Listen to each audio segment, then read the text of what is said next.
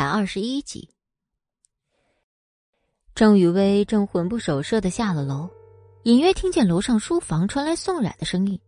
她现在根本顾及不了那么多，她来到客厅，把自己窝在沙发上，自己如案板上的一块肉，不知会有什么下场。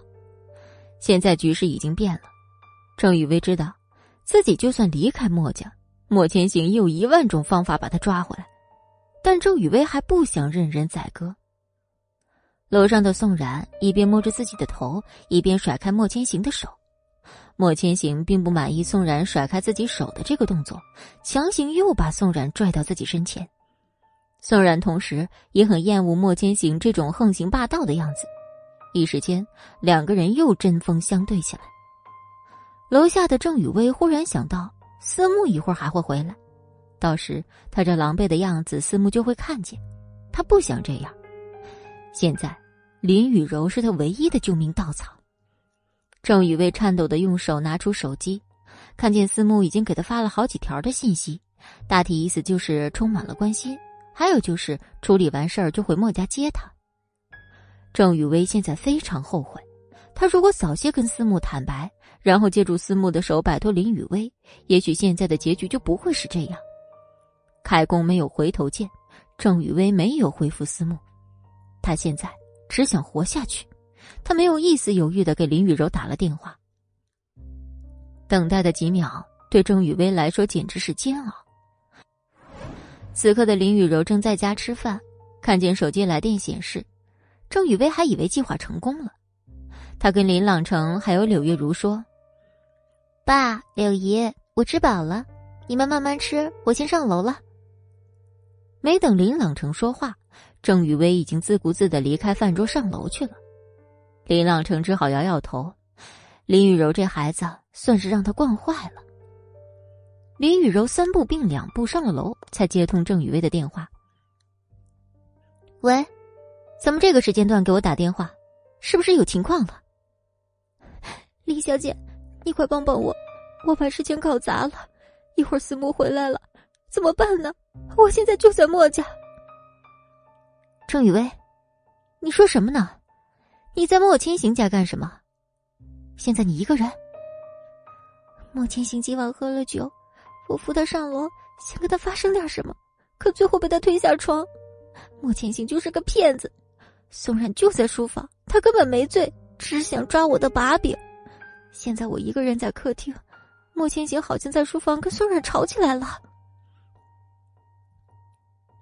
这些话。被林雨柔消化完后，他在电话那头一声轻笑。郑雨薇不知道林雨柔这时怎么还笑得出来。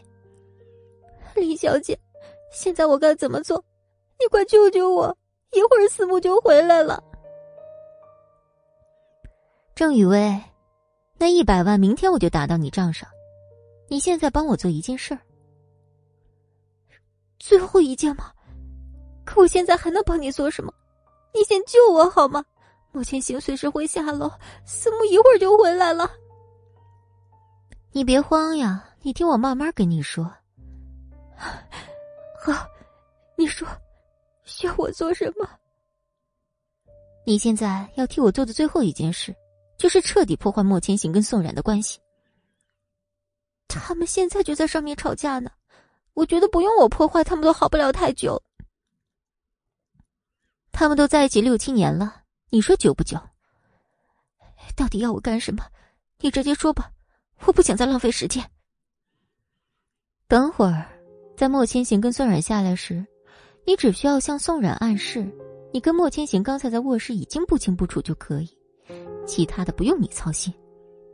哦，对了，雨薇啊，你最好能惹怒莫千行，你要记得，你的父母，还有你欠的那些钱。我都会帮你一一料理好，你只需要放心大胆做好你自己能做的就行了。郑雨薇不知自己是怎么把电话挂断的，她脑海里一直萦绕着林雨柔的话。她现在已经完全没有了退路，唯一的救命稻草已经给自己指了一条不归路。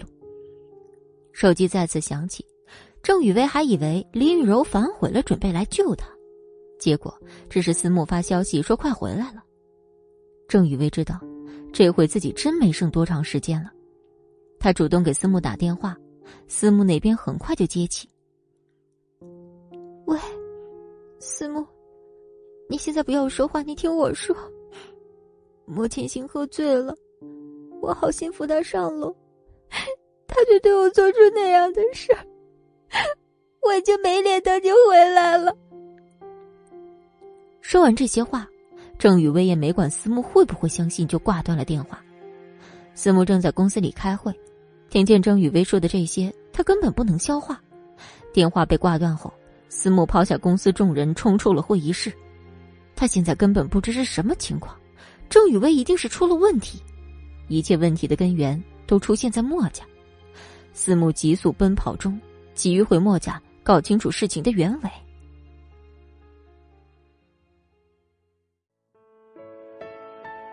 百二十二集，郑雨薇擦掉自己的泪水，看着手机屏幕上倒映的自己，笑了笑。她看向楼上，宋然。我是郑雨薇，我知道你今天在这儿。你出来，我最后有几句话想要告诉你。书房里的宋冉跟莫千行已经相入艰局，听见郑雨薇在楼下喊他，便没什么好隐瞒的了，大大方方的走出书房，靠在楼梯那儿望着楼下的郑雨薇。我的清白被莫千行毁了，我现在没脸在这等思慕回来。同时，我也奉劝你一句：莫千行他不是个好人。今天的我，早晚是你的下场。我们都被他给算计了。莫千行从书房里出来，就听见郑雨薇朝他身上泼脏水。他已经知道郑雨薇是要跟他鱼死网破。宋冉听完郑雨薇的话之后，脸色有一瞬间的不自然。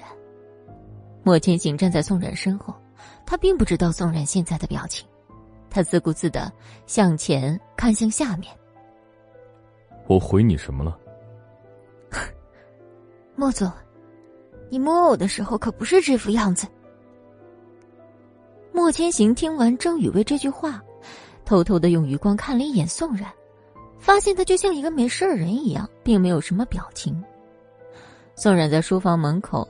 看见莫千行领口那儿有一小块的口红残留，本来还觉得是郑雨薇无意蹭上去的，现在看来，也不全是郑雨薇一个人的锅。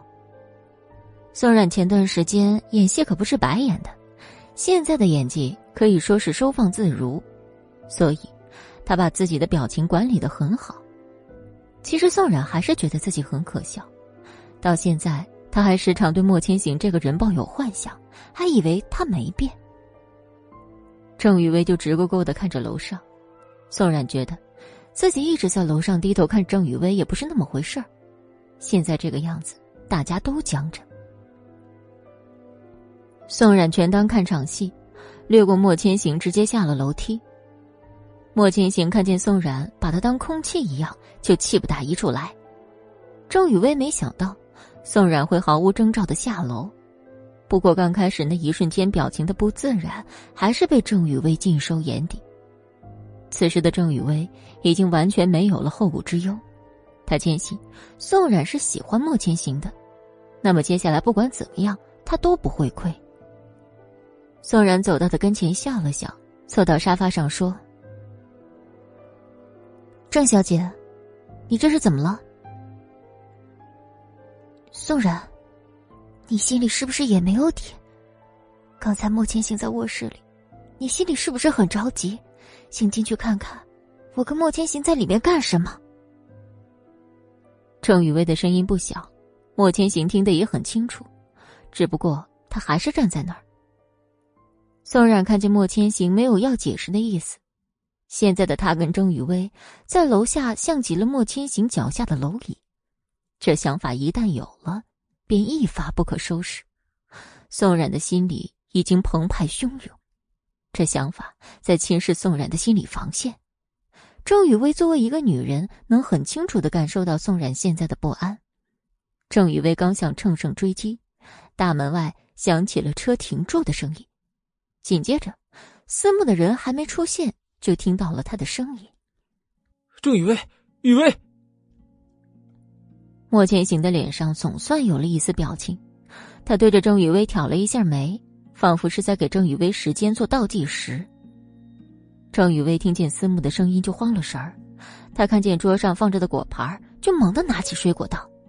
宋冉被郑雨薇突如其来的动作吓了一跳，思慕这时已经来到门前，郑雨薇眨眨自己的眼，一脸无公害的样子，他抓住宋冉的衣领。莫千行这下算是在楼上站不住了。思慕映入眼帘的，就是郑雨薇拿着一把水果刀抵着宋冉，他一脸的不相信。雨薇，我是思慕啊，你这是在干什么呀？你别过来！郑雨薇的声音定住了的靠近的脚步，思慕只好待在原地。莫千行也停住了要下楼的脚步。郑雨薇贴近宋然的耳边说。你别怕，你只是莫千行的一个情妇，我不会伤害你的，没必要。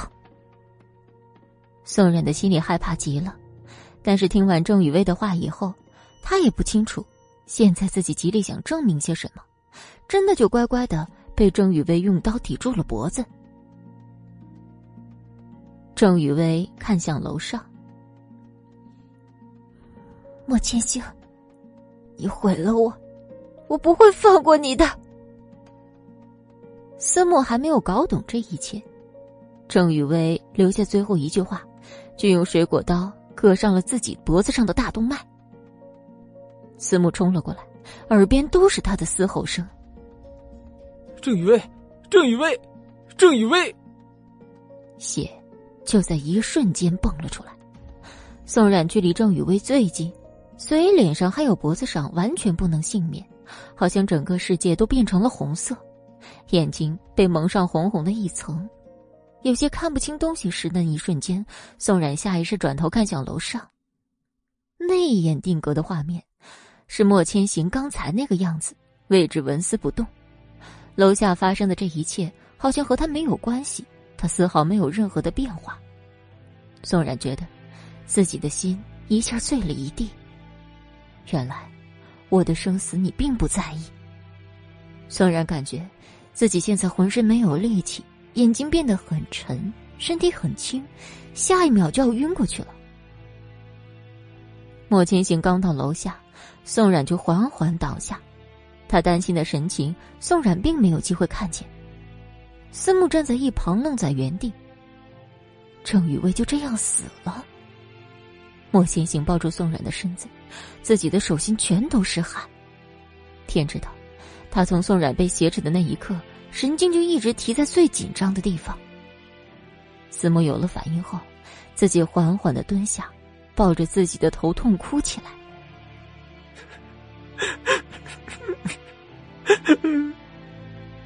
周围安静极了，只有思慕哽咽的声音。莫千行现在根本顾不上思慕的情绪。本来他是想把郑雨薇留给思慕处理，毕竟在思慕心里，郑雨薇是他第一个动心的女人。但是这女人从头到尾就是个骗子。可现在这情况也不是莫千行能控制的，他只好打电话，把慕云叫来处理局面，自己先抱起宋冉回到了楼上。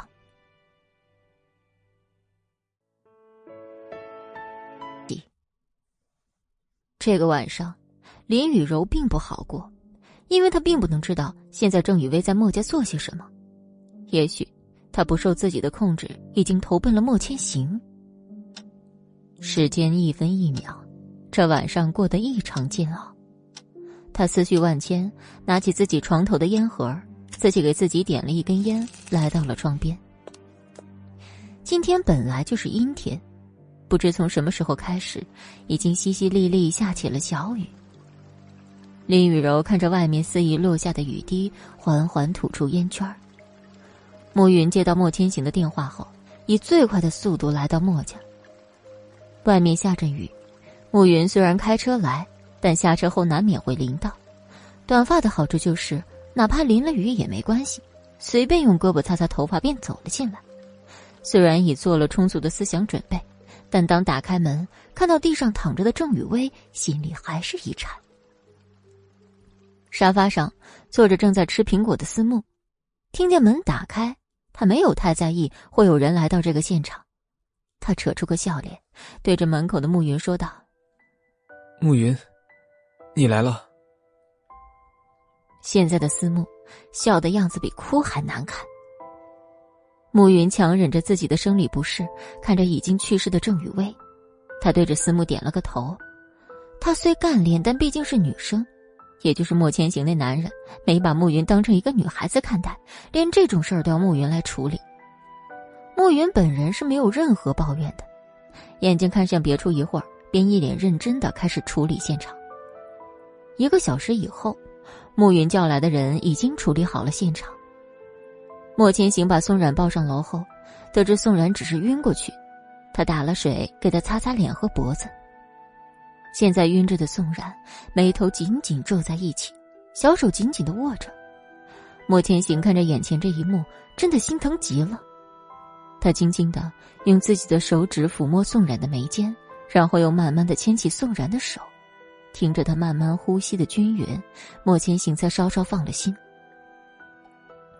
暮云在楼下处理着一切，思慕就一直窝在沙发上吃苹果。此时，地上已经有三四个苹果核了。暮云看思慕这样，有些心疼，安静的坐到他旁边。这种时候，他也不知自己能说些什么。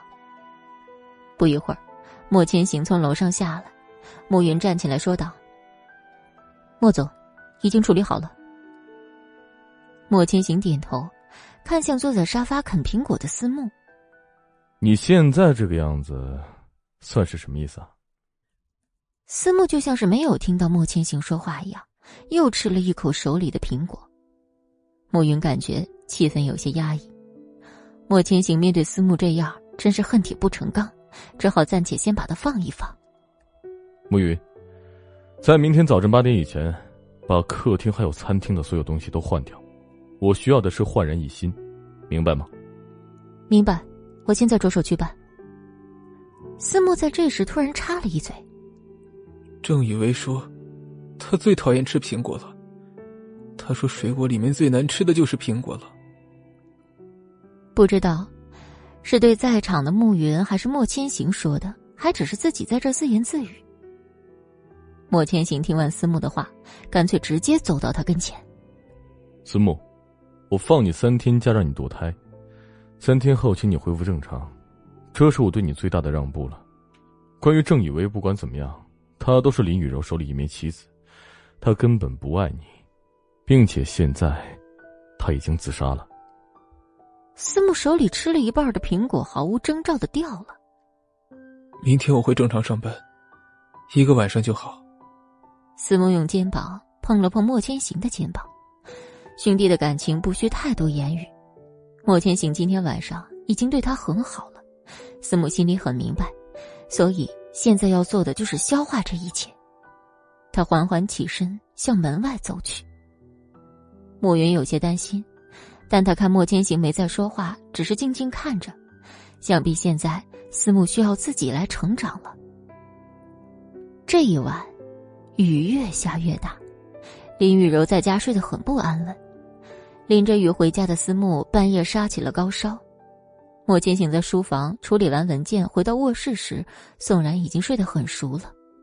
莫云忙了一个通宵，在早晨六点提前完成了莫千行给他的任务。第二天，雨水把这个世界冲刷的很干净，仿佛昨晚什么都没有发生一样。冷菲菲现在的店一天只接待一位客人的规矩，在林雨柔这儿已经完全不好用了。林雨柔现在经常来冷菲菲店里串门。那天，冷菲菲跟林雨柔吃饭时，已经隐隐约约从林雨柔嘴里知道了一些关于齐军跟薇薇安的事儿。林雨柔的那副嘴脸，吐槽起别人来简直绝了。冷菲菲只好耐着性子听他抱怨这个世界怎样不公。林雨柔一口气说了许多憋在心里的话，包括现在自己其实对莫千行还是不死心，但现实告诉他真的不会再有可能了。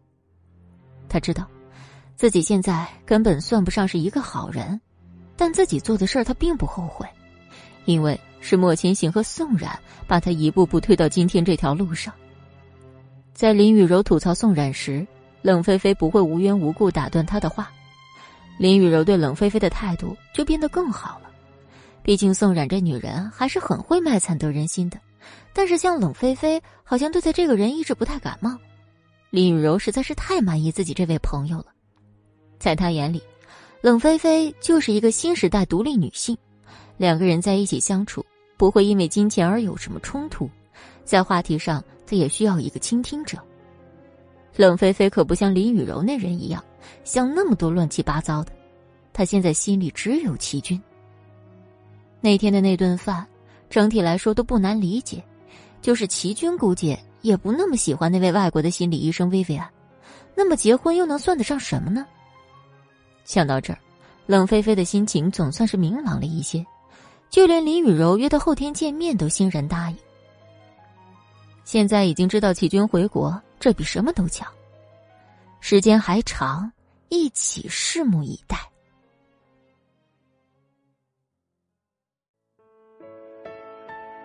二十四集，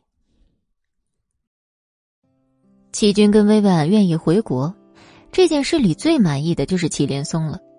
自己跟祁军之间，因为他母亲的事儿，一时半会儿也解决不了。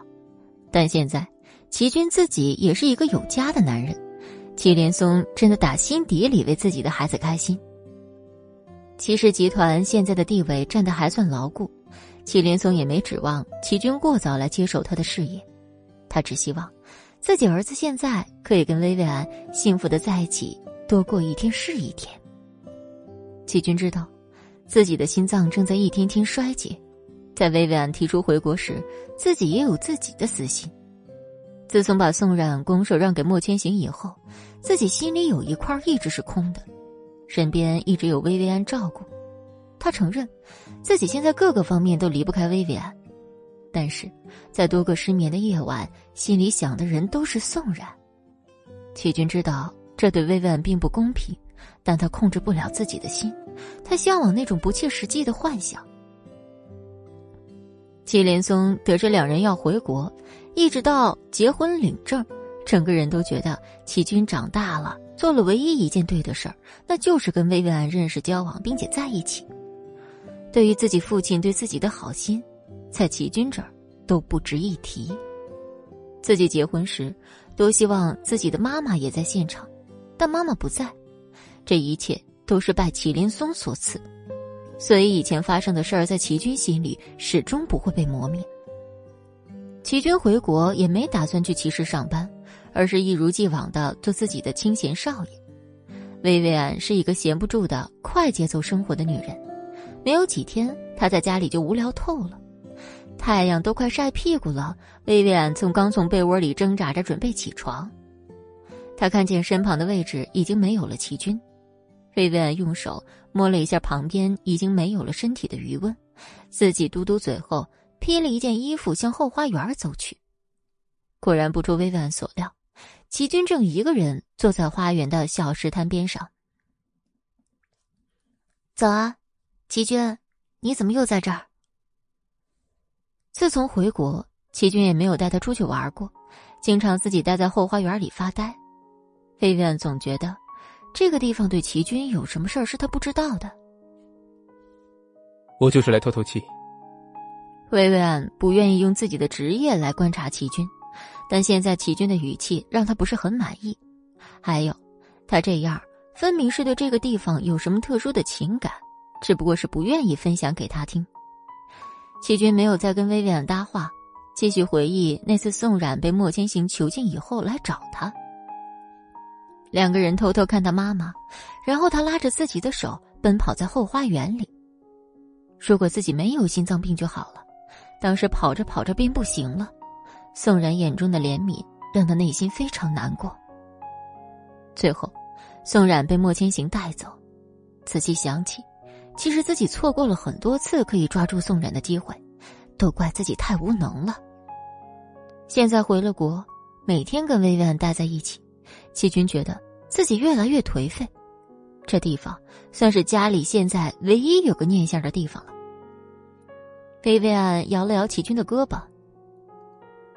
喂，齐军，齐军，想什么呢？你没听见我说话？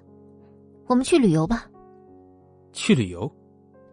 嗯，对啊，我在家也好无聊，咱们来一场说走就走的旅游吧。齐军有时候感觉魏远真是无时无刻都跟自己待在一起，现在要提出要一起去旅游，齐军本身不是很想去，他现在连自己待一会儿的时间都没有了吗？齐军皱起的眉头被薇薇安尽收眼底，薇薇安暗自握紧自己的拳头，可是他脸上依然是笑嘻嘻的。陪我去玩嘛，就当我们的蜜月旅行。怕齐军直接拒绝，所以薇薇安说自己现在要着手准备旅行的东西，一蹦一跳去了客厅。齐军看着薇薇安的背影，其实现在的生活对他来说是最好的。但自己为什么那么不甘心呢？齐军根本不敢去了解宋冉的消息，上次就打了一个电话，薇薇安跟他大吵一架，闹了个天翻地覆。现在想想还是很后怕的。去旅行这个想法也未尝不可，收拾自己的心情，让自己一直在路上，也许充实起来就不会有时间想宋冉了。在各种地方旅行，时间过得还是很快的。享受蜜月旅行的同时，薇婉的心里还是很忐忑，就是因为齐军现在表现的太好了，薇婉反而觉得不真实。睡觉之前，他总会缠着齐军，一遍遍的问他关于爱不爱他的问题。齐军会非常有耐心，温如水的一遍一遍不厌其烦的回答他：“爱，我爱你。”早晨起床时。他必须看着齐军，不然就会发脾气。要是齐军回答慢了，又或者说的时候没看着他的眼睛说，魏婉就会立刻变脸或者心情低落。原来还隔一天问一次，现在每天问上好几遍，特别是晚上，只有这样，薇薇安才能安心的去睡觉。齐军一开始没觉得有什么，但现在的发展趋势越来越不正常了。宋冉那天晚上。看见郑雨薇活生生在自己面前自杀，从那以后话就变得少了，每天弹弹钢琴，剩下的时间就是窝在里书房看书。莫千行的双腿已经完全恢复，所以公司的运营开始有劲头的上涨。不好的事情是，宋冉跟他基本没有交流，因为白天宋冉把自己关在屋子里，下午他自己也会早早吃饭。他在公司像陀螺一样周转。到晚上，哪怕再忙，莫千行晚上都会回家。宋冉那天早上醒来以后，自己收拾好下楼吃晚饭，回到楼上，默默的搬回自己的小客房。王妈见宋冉这样，就知道应该是又跟莫千行吵架了。莫千行回家以后没有说什么，也算是默认。其实宋冉不知道的是，莫千行每天晚上。会悄悄的推开他的房门，站在宋冉的床头看一会儿。如果宋冉睡得不是很安稳，莫千行就会堆在宋冉的床头，拍拍他的后背。宋冉在睡梦中会拽莫千行的手指，莫千行的眉眼都柔和了下来。哪怕每天的工作真的很累，但是回到家真的很享受这种被宋冉需要的感觉。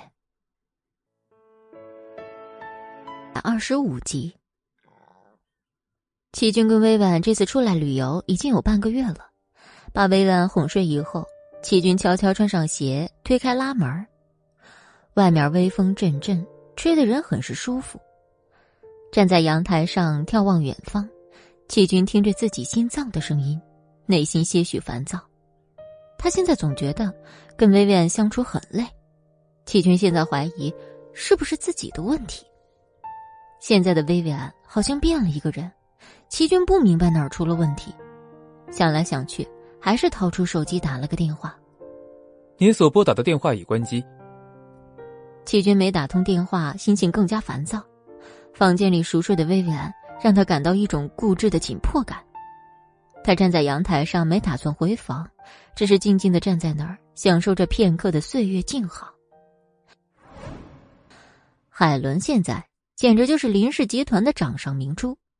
上次用林氏集团代版的设计一出，带动公司利润直接上涨。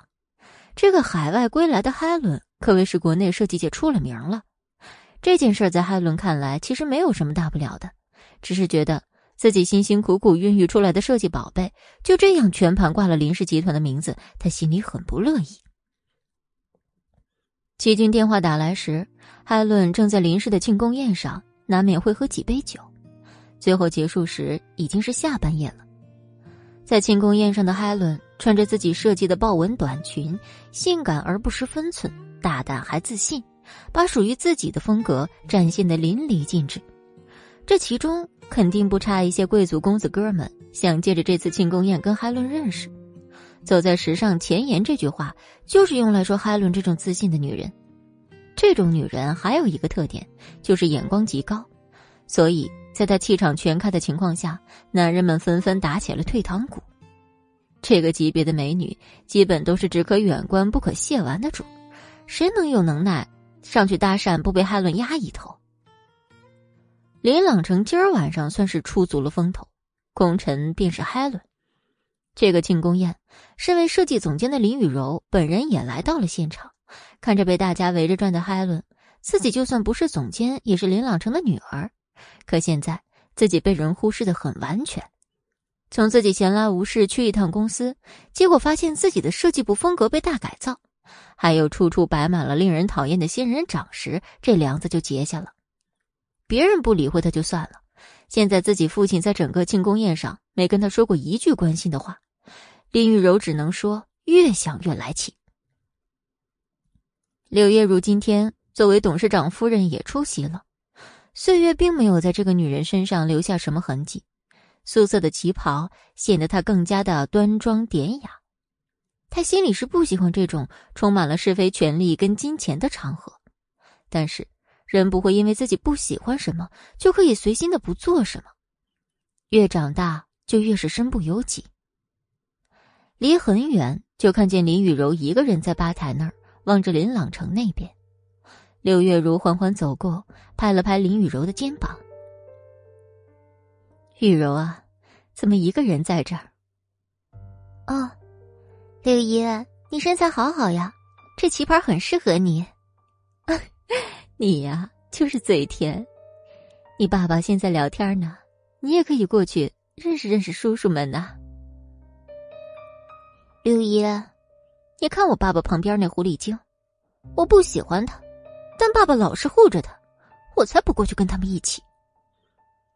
雨柔，咱们现在在外面，难免人多眼杂，说话要注意分寸。林雨柔听了柳月如的话，并没有生气，他知道柳姨是对他最好的，但现在看着不远处的海伦，他就是很生气，没有办法克制的那种。可能是林雨柔的眼神太过明目张胆，海伦总觉得。吧台这有人盯着他。女人的直觉还是准的。海伦看见林雨柔时，只是对她举起自己手中的酒杯，自顾自的喝了一口。这个举动在林雨柔眼中就像是在挑衅。他强忍着自己的脾气，他爆发出来牵强的微笑，也举起自己手中的酒杯，小抿一口。哈伦根本没把林雨柔这女人当回事儿，她甚至都不知道。到底哪里惹到林雨柔，就让每一次的见面散发出这么强烈的敌意？林雨柔实在是待不下去了。柳叶如看出她的不耐烦，便主动提出上外面走一走，透透气。最近的林雨柔真的是太点儿背了。郑雨薇的死是自杀，这结果对林雨柔来说并不算什么好消息。虽然死人是不会说话的，但这毕竟对莫千行没有一点影响。现在在莫千行身边没有了眼线，林雨柔在郑雨薇这儿设的这条线就彻底断了。柳月如走在安静的小道上，心里也想着很久以前的事儿。那时自己还是一个单纯的女孩，那时自己偷偷暗恋着宋冉的爸爸。冥冥之中自有安排，林月如也没有想到，这个晚上她又想到了宋冉的爸爸。现在他已经不在了，唯一让自己跟宋冉爸爸有牵连的人，就是宋冉这个孩子。年少轻狂，好景不长，在林朗城出现以后，就证明接下来的事儿会发生不可控的因素。自己明明最讨厌林朗城的城府跟心计，但是自己现在也在向他靠拢。林雨柔在前面走着，林月如看他的背影，却联想到这个自己并没有见过这个世界的女儿。他走着走着，就发现林月如已经被自己遗落到后面，都怪自己想事想得太入迷，走得太快了。六爷，咱们什么时候回家呀？哎呦，你瞧你这丫头，走路多快呀！我是不是老了？怎么都赶不上你？瞎说什么呢？柳姨怎么会老呢？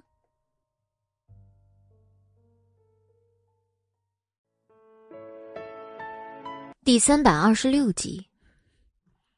今天晚上是林氏的庆功宴，与此同时，莫氏集团可就不那么好过了。自从郑雨薇自杀以后，自己跟宋冉现在一天别提说话了，连面都见不上。只有宋冉睡着以后，莫千行才会去他房间里安静的待上一会儿。宋冉惹到了莫千行，莫千行没办法对他发脾气，所以莫氏集团的人算是倒霉了。会议室里。传来莫千行低沉的声音：“整个设计部，明天早晨上班之前交给我一份全新的报告。我莫千行不养废物。”话已至此，整个设计部的人都提起十二分的精神。莫千行发起火来，真是太可怕了。事实情况就是，最近市面上有关设计的产业都被林氏的海伦一个人全部包了，大家也是有心无力。莫千行心里比谁都清楚林氏现在的势头还有心气儿有多高，但是这全都来源于一个突然回国的海伦。莫千行猜不透，当初海伦刚回国，怎么就直接进了林氏？但不管怎么说，他去林氏都是有问题的。现在设计市场还不算有多么火热，但莫千行看来，未来的设计市场会比现在好上两倍还多，所以。莫千行现在不会因为一个海伦，却把设计市场拱手相让。莫千行的想法没有告诉手底下的人，他觉得没有必要。但现在底下的人今天晚上是不好过的。思慕来到公司时已经晚上十一点多了，但是公司的楼上全部都是灯火通明，前台的小姐正在偷偷打盹儿。思慕走上前，故意大声叫了一声：“啊，思慕先生！”你吓死我了！思慕看见自己恶作剧成功，便满意的径直走过侧方等待电梯。前台女孩见思慕走进电梯以后，赶紧拿起手机在大群里面打字：“同志们，司慕先生来了，咱们的救星到了，大家坚持住！”群里一下沸腾起来。我都好久没见到思慕男神了，这下莫总的心情应该会好一点了吧？咱们十二点之前可以下班吗？我好困。司慕和莫千行作为两位被讨论的男主角，并不知情。莫千行站在巨大的落地窗前，已经有几分钟了。他掏出手机看了一下时间，十一点多，心想也不知道宋冉这时睡觉了没有。这个没良心的女孩，和他没有原因的冷战已经好几天了。真不知自己该拿他怎么办。莫千行不自觉的叹了一口气，办公室正好被思慕推开。莫总怎么一个人在办公室里面唉声叹气啊？是公司的事情，还是自己的私事啊？莫千行没想到，今天晚上还能看见活着的思慕，对他的调侃没有生气，反而从落地窗那里走到沙发旁坐下。一个轻轻被雨淋了一场就感冒的人。有什么资格在这问我问题呢？思慕知道莫千行这是在嘲笑他，现在的他已经完全走出来了。自己淋完雨后，不知怎么被暮云送到了医院，自己被一个小姑娘照顾一晚上，思慕真是颜面尽失，也不知自己在迷糊的事情里有没有说些什么或者做些什么不好的事儿。思慕醒后，把关于郑雨薇的证据都给他看了。还有商场里跟林雨柔见面的照片，当这些东西赤裸裸的摆在还打点滴的思慕眼前，不用暮云多说，思慕的心里已经能接受这个结果了。只不过自己的初恋就这样结束了，思慕还是很难过的。他只是单纯的难过，也怪自己看人不准，才会出现这样的事情。中午一出院，先回家洗了个澡，把自己收拾干干净净的同时，把所有关于郑雨薇的东西全部扔掉。莫千行的声音在安静的办公室响起：“思慕，别在我这里发呆，赶紧滚出去工作吧。木木云可是一直帮你扛着呢。”经过莫千行的提点，思慕觉得现在简直是欠了暮云无数的人情。他屁颠屁颠出了办公室，投入到工作中。正在公司的人在思慕刚来时还期待自己会不会早点下班之类的，但是看见思慕本人下达的通知后，大家相继纷纷去世。大家晚上好，我是思慕，前几天感冒了，所以没有和大家一起工作。不过没关系，现在我满血复活了，所以。今天晚上就让我们一起奋战到天亮吧！啊，四目男神，你怎么能这样？我一会儿订外卖，大家谁要扣个一，我帮忙一块儿给订了。瞬间，聊天框里全变成了一。莫千行同样也收到思慕下达的通知，不禁皱了皱眉头。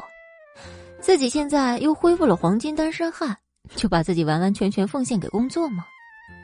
莫千行现在心里已经很想念在家睡觉的宋冉了，现在来了一个要通宵加班的思慕，算什么事儿啊？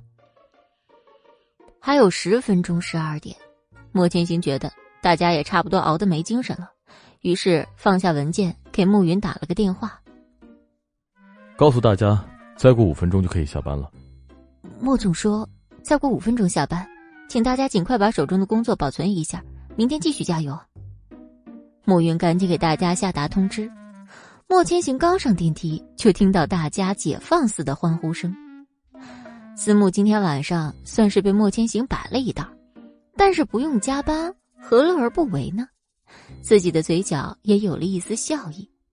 当然，心情变好最重要的原因就是要回家见宋冉。就在大家开始准备下班时，一个员工订的一百多份夜宵送到了楼下。大家开心打卡下班后，各自领了各自的饭回家吃夜宵了。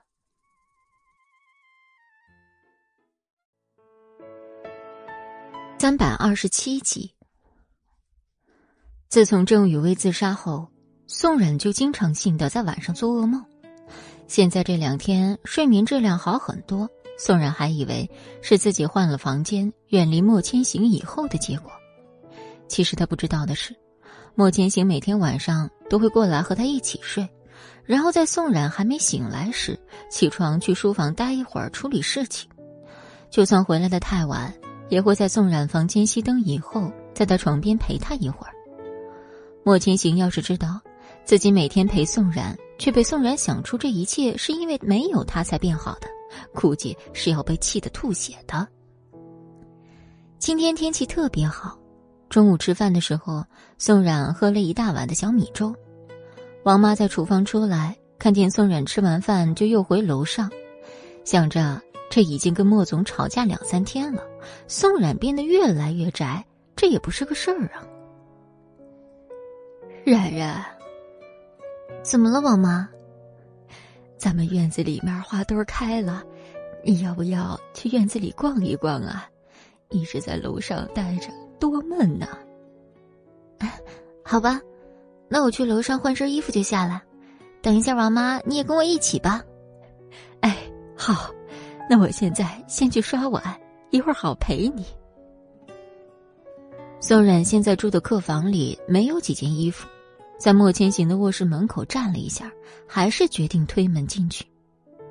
昏暗的房间，宋冉懒得打开灯。便摸索着前进，到窗户跟前拉开窗帘，阳光洒进来的那一刻，宋冉的身心都放松了，这才开始认真打量这个陌生又熟悉的房间。床上虽然还是黑白灰的四件套，但宋冉能看出这是新的床单被罩了，估计是莫千行自己换的，边边角角都不是很整齐。床头上还摆着那盆在商场里打折的仙人掌。看着他长得那么好，宋冉都不舍得把他搬到客房了。但是，现在莫千行一看就没有拉开窗帘，所以没有阳光照进来。宋冉为了仙人掌的长远生命安全着想，还是决定把他带去客房。反正莫千行已经不会在意这一小盆东西不见了吧。拿起仙人掌，往自己的客房走去。他心里想着，莫千行都不重视自己，这区区一盆仙人掌能算上什么？这种想法却没有让宋冉的心情变好。把仙人掌在自己的客房安顿好以后，宋冉又大摇大摆的走进莫千行的主卧，拉开衣橱，还和原来一样，都是自己的裙子、裤子什么的。只不过宋冉实在想不起来的是，从什么时候开始，莫千行的衣服开始变得这么少了？还有就是，怎么自己的衣服现在变得这么多呀？宋冉挑了几件应季的小裙子，就回到自己客房开始换衣服。照完镜子以后，不禁感慨。果然是人靠衣装，马靠鞍。现在整个人都精神了。宋冉一身田园风的小裙子，手里面提着一个画板，王妈已经在楼下等着了。这一幕的宋冉，一颦一笑都像极了从漫画里走出的人物。冉冉啊，你可真好看，在家呀就得多打扮打扮你自己。宋冉笑笑。对自己今天的模样也很满意。王妈接过画板后，两人一前一后来到院子里。王妈扒着宋冉，把画板在草地上固定好，自己也感慨今天是难得的好天气。宋冉真的是连家里面的院子都好久没仔细看过了。蓝蓝的天空配上青青的草地，真的很舒服。自己坐在秋千上慢慢的荡着，王妈拿着手机。对着宋冉左拍拍右拍拍，宋冉被他感染了，也跟着配合。正在公司开会的莫千行手机突然响了起来。开会时是不允许开手机声音的，但现在响的是莫总的手机，大家就当没听见。没有被手机声音打扰，大家继续听设计部的新 PPT。这时，莫千行的手机又响了起来。他示意设计部的人继续讲解自己的文件，自己则不耐烦的拿起手机点开消息。联系人是王妈，发来的全都是宋冉的照片。莫千行本来气场已经压得很低了，但是就在他拿起手机以后，马上又窒息的会议室又活了过来。王妈的照相技术并说不上有多好，但莫千行每一张都放大了来看。宋冉穿着碎花小裙子，脸上的笑容简直甜到了莫千行的心里。莫千行现在根本没有听设计部的演讲，自己盯着手机看了好几遍，而且每一张都认真的保存在自己的手机上。设计部的讲解停止，莫千行才抬起头，站在上面演讲的人瑟瑟发抖，等待着莫千行的审判。下去吧，这次的设计理念还可以。但是中心思想还不是很完善，下午再添加一个新的文案，传给慕云过目。莫千行说完话以后，在场的所有人都松了一大口气，大家的潜台词全部都是：今天的太阳算是打西边出来了吗？还以为会再被莫千行大骂一顿，暴风雨即将来临，结果直接就雨过天晴了，这真是太不可思议了。王妈看着手机里的照片，全部发给了莫总，觉得自己做这件事儿真是太正确了。看着宋冉自己在秋千上面荡得挺开心，索性趁着好天气回屋子把自己的被子抱出来晒晒，还问宋冉要不要把卧室里的也抱出来晒晒。宋冉想到莫千行那不见天日的主卧，便随口说道：“王妈，你把主卧的被子抱出来晒晒吧。”说完以后，还有一点后悔，感觉自己在多管闲事。王妈才不知道他的内心独白，开心的答应了。宋冉在秋千上看见已经放好的画板，索性自己去画板面前准备画画，感觉自己已经很久没有动手画画了，一时间也不知画些什么，脑子里分明是没有东西的，但自己的手拿着笔，却已经在画板上画了一个莫千行的模样。等宋冉反应过来自己画的是什么时，画中莫千行的眼睛已经勾勒完毕了。风吹动宋冉的头发，他没去在意，只是盯着画中人的模样。他听见自己的心砰砰跳动的声音。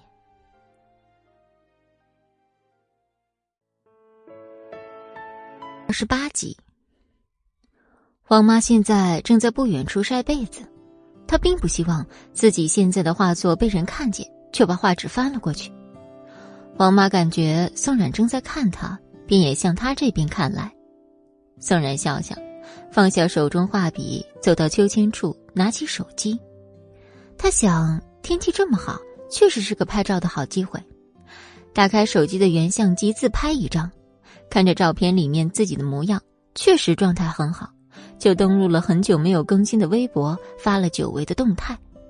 配图就是刚才的新鲜自拍，配字为“人间四月芳菲尽”。一瞬间，宋冉的微博就蹲满了人。啊啊！是宋冉本人吗？你终于活过来了！冉冉，终于等到你了，我们大家都好想你的。宋冉看见大家为自己的点赞，还有私信消息越来越多，心里仿佛被什么填满。原来这个世界上还有这么多人记得他。另一边，刚散会的莫千行在电梯里听见前面两个小职员在那闲聊天姐妹，你看微博热搜了吗？没看呢，怎么了？娱乐圈又出什么破事了？宋冉呐，宋冉更微博了。听完，志远已赶紧掏出自己口袋里的手机，登录上微博，果然在热搜上找到了宋冉发博。电梯滴的一声到达十楼，莫千行从他们后面走出来。场面一度静止，电梯关上后，刚才，刚才是莫总吗？是，活的莫总，真的。莫千行在电梯里已经听到他们的对话，碍于面子，并没有拿出自己的手机上微博。现在到了单独的会议室，莫千行才缓缓拿出手机登录微博。他的微博就是一个什么都没有的潜水人员，但是哪怕什么都没有，他也在热搜上看见了排名第一的宋冉。点进去以后，看见宋冉久违的微笑和自拍，莫千行默默的点了他的微博关注，然后点了个赞，并且评论道：“有你更好。”因为自己是一个潜水的马甲号，莫千行的评论很快就被淹没了。宋冉作为一个大 V，但没有端架子，他回复了很多给他评论的人，但是莫千行盯着手机刷新好几次都没有得到宋冉的回复，心情直线下降成不好，这就导致今天晚上莫千行在公司又发了一次脾气，让全公司加班。莫千行晚上十二点多回到家以后，宋冉已经睡着了，他看着宋冉睡得这么安稳，自己没有得到他的微博回复。气了一天，感觉非常的不平衡。他拿起手机，拍了一张宋冉在黑夜中朦胧的睡颜，感觉宋冉真是太好看了。现在是他睡着时候的样子，可不能被别人看去，于是还加了一些模糊在照片上。处理好一切后，在微博上，他破天荒的发了第一条微博，配图就是宋冉睡着的模样，配文是：“岁月是你。”幸好也是你，莫千行当下根本没觉这话肉麻，这就是他自己的真情实感罢了。自己看了看自己发的微博，还非常满意。忙了一天，已经很累了的他，就在宋冉旁边小心翼翼的躺下。睡梦中的宋冉觉得旁边多了一个人，便下意识的往一边靠了靠。莫千行不满意他的距离。大手把宋冉揽到自己胸前。宋冉感受到莫千行身体的热度，他本能的在他怀里动了动，小手摸着莫千行健壮的腰。这完全是莫千行一手造成的，非要把宋冉拉过来贴近自己，然后结果就是自己被一个睡着的女人给撩拨了。宋冉感觉自己已经一个星期没碰宋冉了，其实呢，才三天而已。就算是这样，莫千行觉得自己现在还没跟宋冉和好，所以只好委屈自己。他伸出手给宋冉掖了掖被子，准备搂着她睡觉。宋冉的腿在这时又翘上了他的腰。莫千行真是被宋冉给打败了，此时心里像是小猫爪子抓了一下一样，是可忍孰不可忍。莫千行看着还在睡觉的宋冉，越发觉得不甘心。他想着，自己亲一下宋冉就乖乖睡觉也不算过分，便没有犹豫的附上宋冉的嘴巴。宋冉感觉有人正在亲自己，但是他的眼睛并不想睁开。他用脚趾头都能想到，现在跟自己接吻的人是莫千行。他一上来不愿意张开嘴，莫千行也不急。小心翼翼，像是对待一件珍宝一样，亲吻宋冉的额头、鼻尖、耳朵。宋冉的手臂自然的攀上莫千行的脖子，不乐意的嗯了一声。在月光照射下，隐约能够看见莫千行邪魅的笑了。他大手扶上宋冉纤细的腰，本来只是给自己讨的一点小奖励，但是现在身体的反应比宋冉本人更加真实。莫千行知道，这是宋冉也想自己了，索性脱掉身上过多的束缚。几分钟以后，宋冉彻底醒过来，本以为是梦，结果是真真实实的莫千行正压在他身上。自己刚想张嘴说话，便发出令人羞耻的声音。莫千行见宋冉睁开眼睛后，自己趴在宋冉的耳边，低沉的声音直接传进宋冉的耳里。冉冉，你醒了。温柔的莫千行很少见，宋冉没有选择闭眼，他只是想好好看看他的这张脸，想看透他的心。宋冉承受着莫千行的撞击，忍不住发出声音。莫千行低头吻上他的眼眸，让他闭上眼睛。宋冉，你离不开我，这是事实，你逃不掉了，你是需要我的。宋冉想过反抗，但是身体跟心里都告诉他自己，他真的需要莫千行。百二十九集。第二天，宋冉的手机闹铃响了起来，宋冉的生物钟强迫的睁开了眼睛。再睡一会儿。莫千行的大手把要起床的宋冉又给勾了回去，宋冉身子一僵，身体的本能反应。却是赶紧起床，逃离这个是非之地。宋冉没有躺下，还是要起身。莫千行不满意的睁开眼，看着已经坐起来的宋冉，他大力的抓住他纤细的手腕。很显然，现在莫千行的好脾气已经没了。宋冉，你非要这样是吧？听到莫千行没有温度的声音，宋冉只是弯腰从地上捡起自己昨晚被莫千行扔到地上的衣服。不紧不慢的套到自己身上。莫千行最讨厌的就是宋冉对他冷暴力。莫千行猛地起身，把宋冉压到自己身下。宋冉，你欠我的这辈子还能还完吗？这才多久，你就又给我摆这个臭脸？昨天晚上你可不是这样的。莫千行一下子说这么多话，宋冉像一个哑巴一样，没有要回复莫千行的样子。虽然没有回答他的话。但宋冉的身子轻微的发抖，这让莫千行稍微抬了抬自己，让他们之间多一些可以呼吸的空间。宋冉感觉到莫千行的动作，有时候他真的不知道莫千行对他到底要干什么，总在他要放弃他时，又来到他的世界对他示好。僵持一分钟后，终于有些沙哑的声音响起：“莫千行，我父亲一定是无辜的。”一定是有人陷害了他。一大早晨起来，宋冉就在这惹他生气。莫千行觉得，一定是自己现在对他太好了，现在竟然还敢提他父亲是无辜的。宋冉很明显的感觉到自己身上人的气场又低了一度。他只不过气不过，想要对自己的父亲进行辩解。自己父亲在当年那件事中一定是被人陷害了，他并没有要出莫千行的痛处。毕竟他跟自己一样，都失去了父亲。还没等宋冉张嘴解释什么，莫千行便从他身上站在床边，居高临下的看着宋冉：“你父亲就是害死我爸爸妈妈的凶手，而你现在是我的情妇。你的存在就是要替你们宋氏集团赎罪，除此之外，你什么都不是。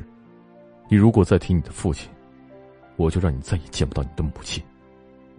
莫千行，我就知道，不管我说什么，你都不会相信。我会好好待在你身边，你不要伤害我妈妈。莫千行看宋然眼泪汪汪的样子，竟然会觉得自己是不是说话太过于严重。但是现在不是心疼宋然的时候，自己的父母确确实实去世了，宋氏是绝对的罪人。现在的自己把宋冉圈在自己的领域，还不是因为喜欢他？可这个傻女人处处让他生气。宋冉没有等到莫千行说话，他留下一个背影后就走出了宋冉的房间。宋冉一个人在空荡的空间里流下了无声的眼泪，他不知道。自己现在这样算什么？与其说是莫千行把他留在墨家，还不如说墨家就是囚禁自己的一个笼子。这一切就是莫千行报复自己的一种方式罢了。宋冉觉得自己真的是太傻了。现在最重要的就是照顾好自己的妈妈。至于莫千行，他不敢去奢望怎么样了。莫千行知道。他跟宋冉之间隔了太多太多的东西，现在一时半会儿根本就不会有什么好结果。本以为前几天冷战就差不多了，今天早晨一起床就来这么一出，自己心里对宋冉真是一点办法都没有。王妈看见莫千行从楼上下来，还没来得及问莫千行要不要吃饭，就看见莫千行大步流星出了家门。王妈还以为今天可以看见两个人和好，现在看来估计是又吵架了。下半夜回到家的海伦先去浴室舒舒服服泡了一个澡，等自己想拿手机看看现在几点的时候，才发现自己的手机不见了，实在是懒得去客厅拿自己的包再翻找，下一秒就拿起吹风机开始吹头发，果然。就一个心大的女人，找手机就这样一瞬间被他抛到九霄云外。他今天为了应承这个林氏所谓的庆功宴，真的是假笑了一个晚上，现在是真的很累。吹完头发、护完肤，倒床就睡。第二天早晨七点半准时起来晨练，海伦这才发现自己的手机在包里已经没电关机了。他随手把手机充上电，自顾自的去旁边的跑步机上开始了四十五分钟的跑步时间。从跑步机上下来以后，他不紧不慢的拿起自己的手机，摁了开机键。未接来电，除了公司以外，竟还有一个没有备注的陌生号码。海伦一看这号码，就知道是久违的齐军打来的。现在在早上快八点半，估计齐军已经醒了。电话打过去时，齐军正在洗手间，手机被一旁喝咖啡的薇薇安接到。喂，海伦是一个精明的女人，听见是一个女人接电话以后，便说：“喂，你是接了我们广告展位的李先生吗？”薇薇安把手机拿远看了一眼，这号码是 B 市的陌生号码，就知道应该是骚扰电话一类，没有再说话，直接就把电话挂断。齐军洗完脸走出来，看见薇薇安正拿着自己的手机。薇薇安，你在干什么？齐军，你这什么态度？是在质问我吗？我只是在问你干什么呀，你不要多想。刚才听你接了一个骚扰电话。好了，我先去洗漱了，咱们中午十一点再退房吧。我待会儿还要化个妆。齐军嗯了一声。在薇薇安走进洗手间以后，才拿起自己的手机，打开自己的通话记录。同样是没有给海伦从联系人的齐军知道，这号码不是骚扰电话，而是海伦。估计是昨晚给他打的那个电话，他现在才看见打过来的。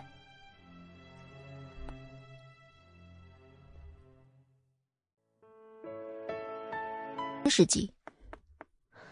齐军走到阳台上，找到海伦的联系方式，发了消息：“我刚才在洗手间，明天回避室。”好啊，你老婆管你是不是特别严？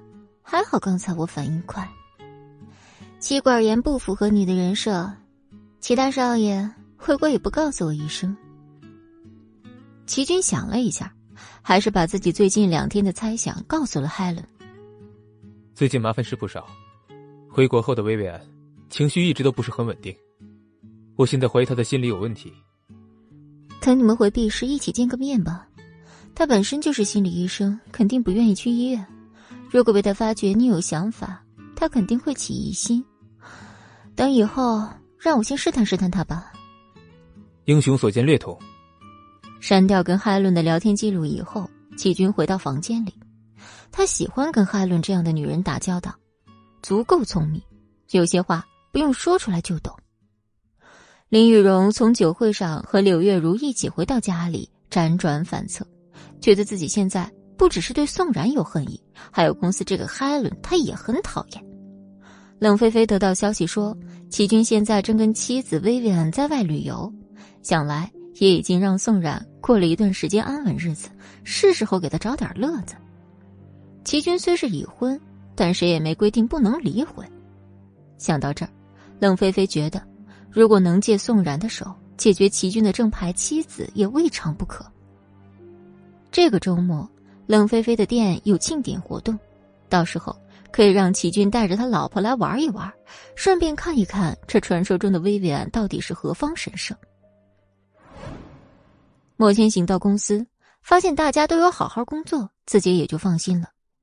下个星期市面上只有一个关于创意设计的大单子，莫氏集团跟林氏集团已经盯着这块肉好久了。其实现在房地产的生意蒸蒸日上，完全没有要正式进军设计市场的意思。但是没有进军不代表手底下没有小动作，商场如战场。暮云敲门来到莫千行的办公室。莫总。上次你让我查的人已经查到了。莫千行想到那个自称从法国来的南风设计师，嘴角有一丝玩味儿的笑。南风他现在人在法国，在他消失国内期间，只跟林雨柔小姐一个人联系过。莫千行觉得现在的局面越来越有意思，区区一个林雨柔还想和他莫千行动，简直不知天高地厚。找人把南风给我抓回来。把他和王亮那个人放在同一个地方就行了，让我看看这个林雨柔到底又找多少男人为她做事儿。那个南风设计师好像跟林氏的海伦也认识，你看我要不要一并把海伦的信息调过来？他那种小喽啰还配不上和海伦扯上关系，海伦那个女人应该不是什么善茬，我们暂时还是不要打草惊蛇了。莫总说的是，那个你们女人是不是经常会莫名其妙发脾气啊？莫总，你是不是又跟宋冉小姐吵架了？其实女孩子是需要被哄的，你可能是太强硬了，所以改变一下平时说话的态度。暮云说完话，还想着自己怎么可以开溜，结果思慕推门进来。莫千行，一起去吃饭吧。看见暮云，思慕立即改了刚才说的话，忽略莫千行揽过暮云的肩膀。暮云还没吃饭吧？咱们一起吧。暮云正好缺一个借口逃离这办公室，被思慕揽着就出去了。莫千行在自己办公室里陷入怎么哄女孩子的沉思。第二天一大早，齐军跟薇薇安就平安降落到了 B 市飞机场。齐军的手下齐浩白已经在机场出口候着，同行的还有海伦。薇薇安舟车劳顿以后，只想跟齐军赶紧回家里待着。刚出来后，看见齐浩白点了个头，算是打招呼。坐进车里后，就看到坐在副驾驶的海伦。你是谁？面对薇薇安不耐烦的语气，海伦只是转头，很大方的介绍自己。你好，薇薇安小姐，我是海伦，跟齐浩白一起过来金宁和齐军先生。好了，咱们现在去泡温泉吧。齐浩白已经给我们预定了。你上次一直想去的那家温泉。听到齐军的话以后，薇薇安的心里甜甜的，觉得自己非常幸福。不过看见车上前面副驾驶坐着个陌生女人，难免还是难受。这副驾驶的女人是齐浩白的女朋友吗？嗯，现在还不是。不过齐浩白已经在努力了吧？正在开车的齐浩白隐约听见后座两人的对话，他感觉自己好像被无缘无故的背了个喜欢海伦小姐的锅。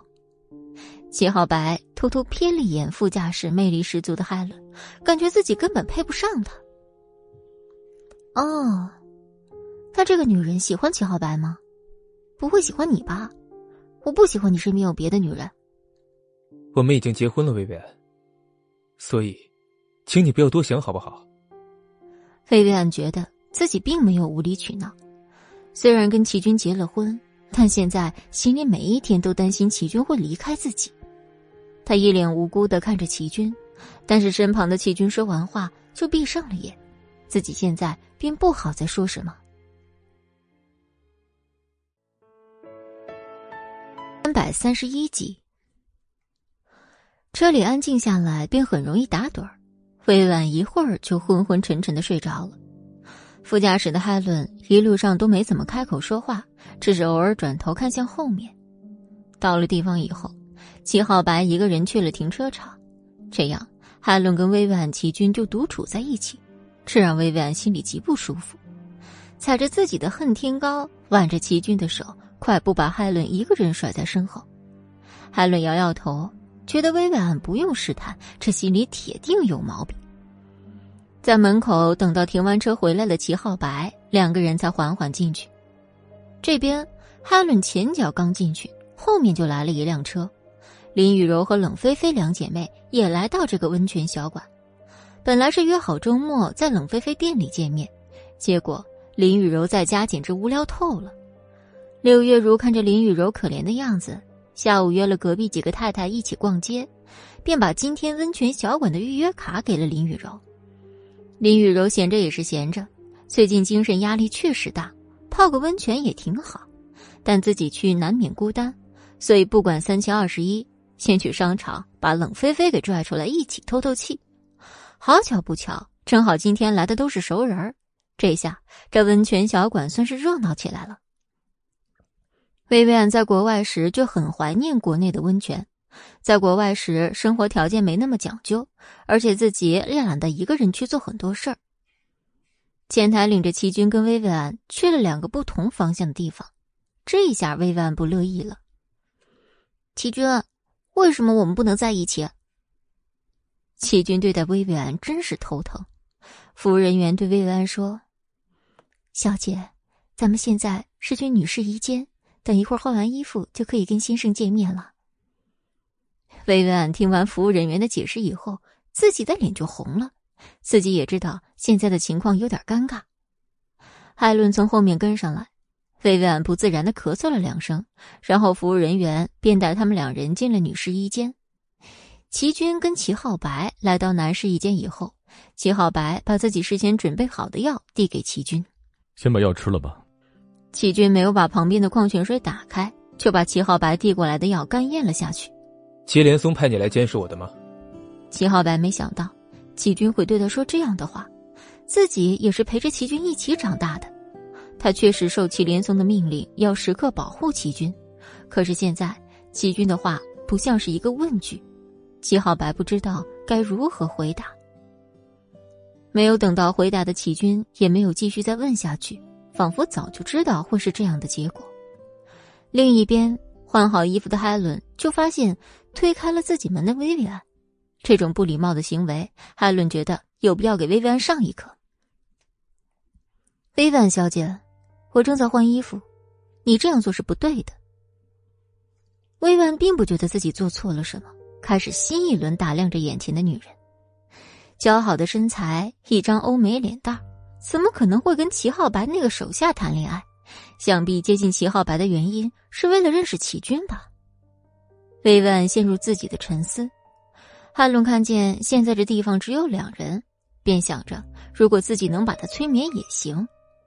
汉伦慢慢靠近薇薇安，听着薇薇安的眼睛，进行了一些无厘头的对话。你是谁？你在哪儿？薇薇安。我现在在温泉小馆。不，你现在在自己家里，只有你一个人在家。不，我不能一个人，我必须跟齐军在一起，我要去找他。现在我就是齐军，我想知道你找我干什么？因为我需要你，我不想你跟宋冉在一起，其他女人也不行。海伦还在问一些别的东西，但他听见外面的声音越靠越近，便把薇薇安领到公共的地方，对他打了个响指。薇薇安觉得自己发了个呆，而现在自己还靠海伦这女人这么近。薇薇安，你怎么在这儿？林雨柔一进来就看见薇薇安跟海伦正待在一起，心里很是疑惑。海伦看见林雨柔还有一个女生进来，挺意外，但是现在他的任务已经完成的差不多了，没有留在这里的意义，却忽略了林雨柔，径直走了出去。冷菲菲一上来还以为海伦这个欧美脸是齐军的妻子，结果海伦径直走了出去。冷菲菲立刻就知道，留下的那个人才是齐军的妻子。薇薇安不想理林雨柔，但他感觉到林雨柔旁边女人的眼光，从海伦走后就一直在自己身上。好久不见啊，林雨柔，我跟齐军来泡温泉啊，你跟你朋友一起来的吗？是啊，我给你介绍一下，这是我朋友冷菲菲。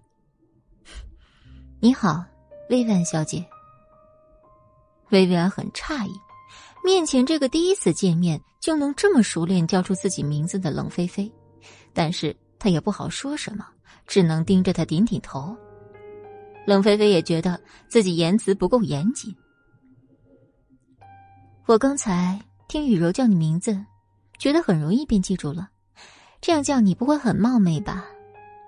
啊，冷菲菲小姐说笑了，那我就不打扰你们两个了。菲菲安离开以后，冷菲菲和林雨柔就去自己的更衣室换衣服了。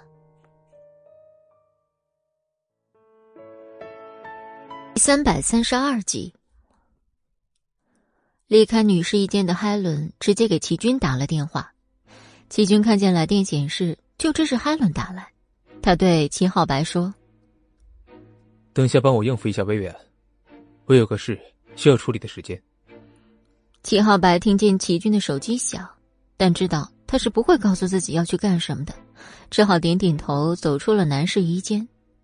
齐军看见齐浩白走远后，才接通海伦的电话。海伦得意的声音响起：“齐军，我已经搞定了，不过你可要做好准备，你老婆确实有情况。”知道了，我在后面的花园等你。电话是海伦挂断的，齐军没在意，两个人都动身向后花园走。这温泉，齐军以前来过，自己心脏病那段时间很严重时，祁连松就让足不出户的他来这个地方泡温泉，有时候给他搞一些户外项目。齐军那时候一度认为祁连松是不喜欢他这个儿子的，这些外出只是更能证明自己不像是一个正常人。齐军还记得。那时，他有一次独自跑到这后花园藏着，祁连松怎么找也找不到他，心里充斥着很多被人在乎的成就感。但是后被祁连松狠狠教训了一顿。到后来，他就出国了，因为出国也错过了能与宋冉遇见的机会，导致让莫千行抢先一步。不知不觉，自己又想起了宋冉。这次跟薇薇安回国以后。都没有怎么注意宋冉的动向，实在是因为薇薇安看他太严。国外的那通电话争吵彻底粉碎了他们的联系。今天的宋冉正在莫家当老师，莫千行又不知哪根筋搭错了，把上次宋冉教弹钢琴那几个孩子给找了回来。今天八点多，宋冉刚起床，王妈就敲门说学生来了。没有一点准备的宋冉就开始了今天的再次教学。愉快且充实的一天就这样匆匆忙忙开始了。另一边，正在公司上班的莫千行，通过王妈这个远程监控，看见了正在教孩子们弹钢琴的宋冉。此刻的宋冉是带着光环的，他认真的模样最好看。海伦来到后花园，就看见齐军正直直的站在那儿，他正好想恶搞一下，便悄悄的走上前，从他的背后环住他的腰。许久没有接触齐军，他比他想象的又瘦了一点齐军并不喜欢这种身体上的接触，海伦当然也知道，所以没等齐军动手，自己就先把手放开，开玩笑的说：“齐军，那女人都不给你吃饭吗？你怎么比出国前还要瘦？”齐军并没有觉得自己有多大的变化，他耸耸肩，没有要说话的意思。薇薇安的心里确实有些扭曲，他的占有欲还有偏执都远远大过常人。这样下去的话，很容易产生第二个人格。当然，这也是我这个学过一点点皮毛催眠的人所得出的结论。海伦的话比齐军自己想象的还要具体一些，但是关于第二人格的事儿，他并没有想过。同时，还有海伦竟然还会催眠这件事儿，齐军觉得。自己真的不够了解眼前这个女人。薇薇安被你催眠了，你不知道的事情还多着呢，所以还请齐军先生以后多多关注我。既然薇薇安的心理真的有问题的话，我会尽快想出对策来解决的。来都来了，一起去泡泡温泉吧。这也算是齐军的邀请了，但海伦在地上并没有要起身的意思。林雨柔和一个女孩也来了，刚才的是一见遇见，你妻子现在应该在跟他们聊天。林雨柔也来了，这应该是巧合，但齐军自始至终都很讨厌这个女人也是事实。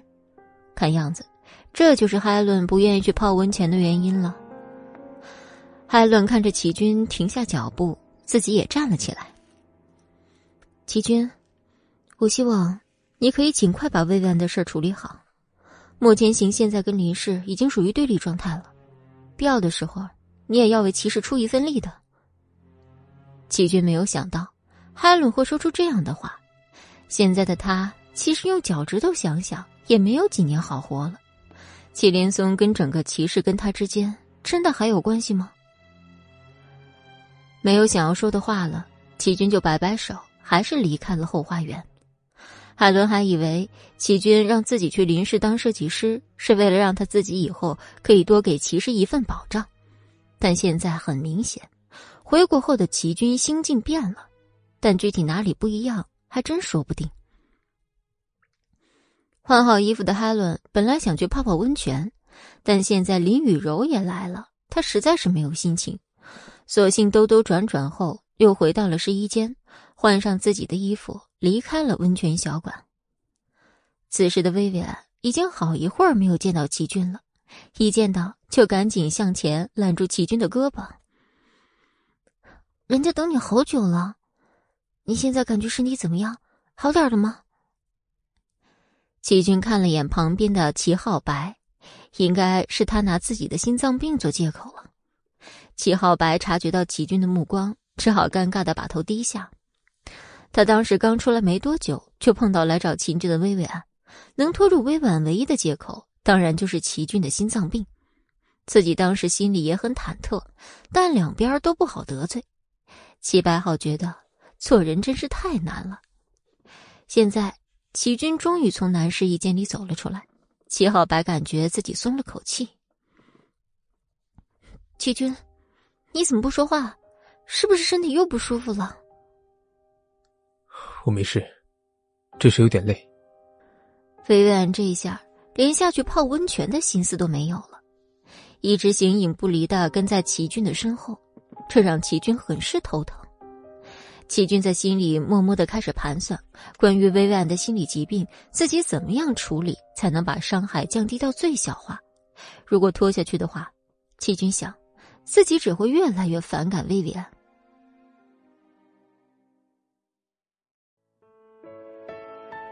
三十三集，宋然感觉当老师的时间是他在墨家过得最快乐的事情。这三四个孩子给这个冰冷的地方增添了人间的烟火气。下午五点很快就来到，一个男孩手腕上的智能手表响起。小男孩看着宋然，似乎在征求宋然的意见。宋冉笑着点点头，小男孩这才笑着接起了电话。喂，妈妈，下午好。小男孩的妈妈好像在问什么时候放学。马上了，等一下莫叔叔的司机会把我们送回去的。妈妈，待会儿见哦。最后挂断电话时，还对着小手表很认真的亲了下，这让宋冉看见后心里化作一滩软软的水。另一个小男孩说：“小杨，你妈妈每次快放学的时候都给你打电话。”当然了，我的爸爸妈妈最爱我了。小女孩戳了戳宋冉的手背，宋冉蹲下后，小女孩就凑到宋冉的耳边。小宋老师，我告诉你一个秘密，我爸爸在我不记事的时候就去世了，我特别羡慕有爸爸的小杨。宋冉没想到小女孩会跟他说这个，可能在孩子眼里自己是一个值得信任的人吧。他把小女孩揽进自己怀中，小声说：“那老师也告诉你一个秘密，老师也没有爸爸了。”不过，老师现在生活的很好。小鱼，你也要好好生活，你爸爸会看见的。小女孩看着宋冉，认真的点点头。宋冉满意的笑了，没有拖堂。十分钟以后，牵着小朋友们的手到了门口。孩子们在临上车时，会给宋冉挥挥他们的小肉手，嘴里还整齐的说着：“小宋老师，明天见。”宋冉真的是太喜欢小孩子了。下午的夕阳照在小孩子的影子上，这场景真是太美好了。看着越走越远的车子，自己想到自己腹中那个还没见过这世界的孩子。人最可怕的就是有一个不好的念头。宋冉站在门口，不自觉的摸上自己的小腹，连带着自己的心都是空荡荡的。莫千行今天想着。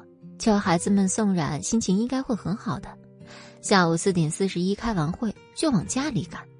快到家门口时，就看见宋冉一个人在门口站着，他的手摸着自己的小腹，神情失落，根本不像是开心的样子。宋冉看见莫千行的车子回来，便转头往家走。他心想：这才五点左右，莫千行怎么就回来了？公司今天不忙吗？夕阳把他孤单的影子拉长，他的身上充满了一种母性的光环。这让莫千行也想到了那个他和宋冉的孩子，是他无能，没能好好保护那个孩子。车子一停，莫千行就自己拉开车门，快步上前赶上宋冉。莫千行看见自己高大的影子正一步步接近宋冉的小影子，心情变得愉悦起来。走路的时候不要一直抬着头哦，偶尔低低头，看看周围，心情也会好很多的。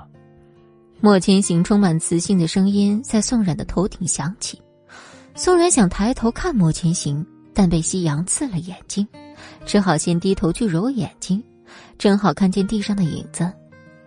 高高的莫千行正低着头，影子上像极了两个人在接吻。宋冉的脸一下就红了。莫千行揉了揉他的脑袋，说：“傻瓜，外面冷，咱们快回家吧。”宋冉还以为是自己出现了幻觉，刚才那个温柔的声音还有触感，真的是现在正在前面走的莫千行吗？宋然觉得自己的脸更红了。小布跟上莫千行的步伐以后，拽了一下莫千行的衣角，这是他们以前上大学时才会做的小动作。莫千行的身子。有过一秒的僵硬，然后恢复正常。他停住，看向宋然：“什么事啊？”自己明明内心很激动，但是说出的话都是冷冰冰的三个字：“谢谢你，莫千行。”莫千行还以为宋冉有很多话要说，结果就是一句谢谢而已，心里有些失落。我很喜欢这几个孩子。谢谢你又把他们叫回来。嗯，后天我和你一起去看看你妈妈吧。宋冉觉得莫千行的脑回路简直就是一个谜，自己在这跟他道谢，他嗯一声就完事儿了。莫千行看着傻傻点头的宋冉，自己径直回到屋里。宋冉长长的脑回路，在莫千行走后才转过来想到，他说后天要一起跟自己去看他妈妈。想到自己能再去看看妈妈，他开心的简直想要飞起来。王妈看见今天下班回家的莫千行，心情分明很好，还有那个吃了两碗米饭的宋冉，他自己在心里想。这两个人简直是吵架的时候莫名其妙，和好也莫名其妙，可不就是莫名其妙的没有理由的爱情吗？吃完晚饭，在沙发上看电视的宋冉被王妈叫到厨房。王妈，什么事啊？王妈笑盈盈的转身端出一碗莲子羹。冉冉啊，你别老看电视，对眼睛不好。莫总现在在楼上书房忙呢，我还要收拾厨房，你帮我把这莲子羹给他送过去吧。王妈已经把手上的莲子羹递到了宋冉的手上，自己则开始洗碗。宋冉觉得自己好像没有别的选择了。王妈看见出了厨房端着莲子羹上楼的宋冉，嘴角忍不住上扬。宋冉小心翼翼的端着碗到楼上。怕莲子羹洒出来，心终于是放了放。书房里的灯光不是很亮，里面传来莫千行说英文的声音，很有磁性，也很有感染力。莫千行听见宋冉上楼的声音，就一直观察着。这边宋冉听见里面的声音停了，便伸了一个脑袋。莫千行看见书房门上探出一个脑袋，心里觉得宋冉真是太可爱了，于是向他招招手。示意他进来。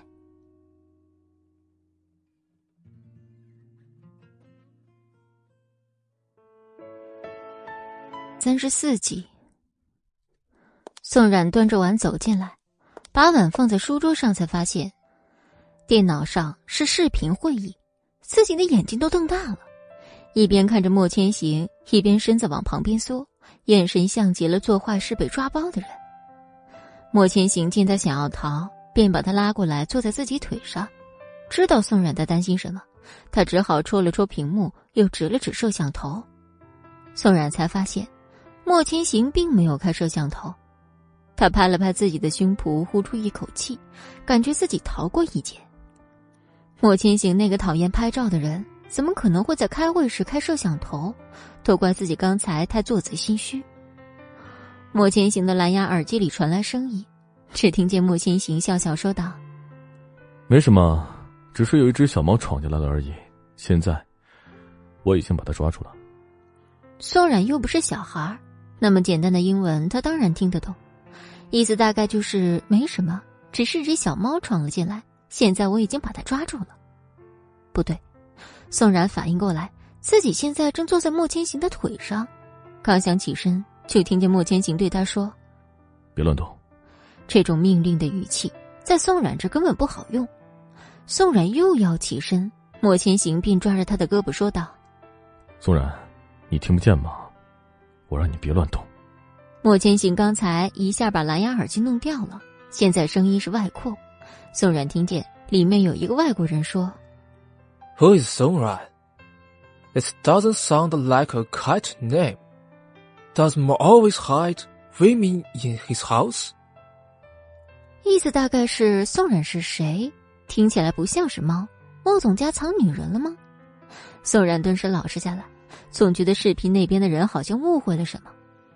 抬头看见莫千行完美的下颌线，还好他没生气。宋冉觉得自己真是一惊一乍的体质。莫千行懒得弯腰再把蓝牙耳机捡起来，鼠标点了一下后，直接对电脑屏幕说：“今天的会议到此结束了。”我要和我家的小猫咪算算账。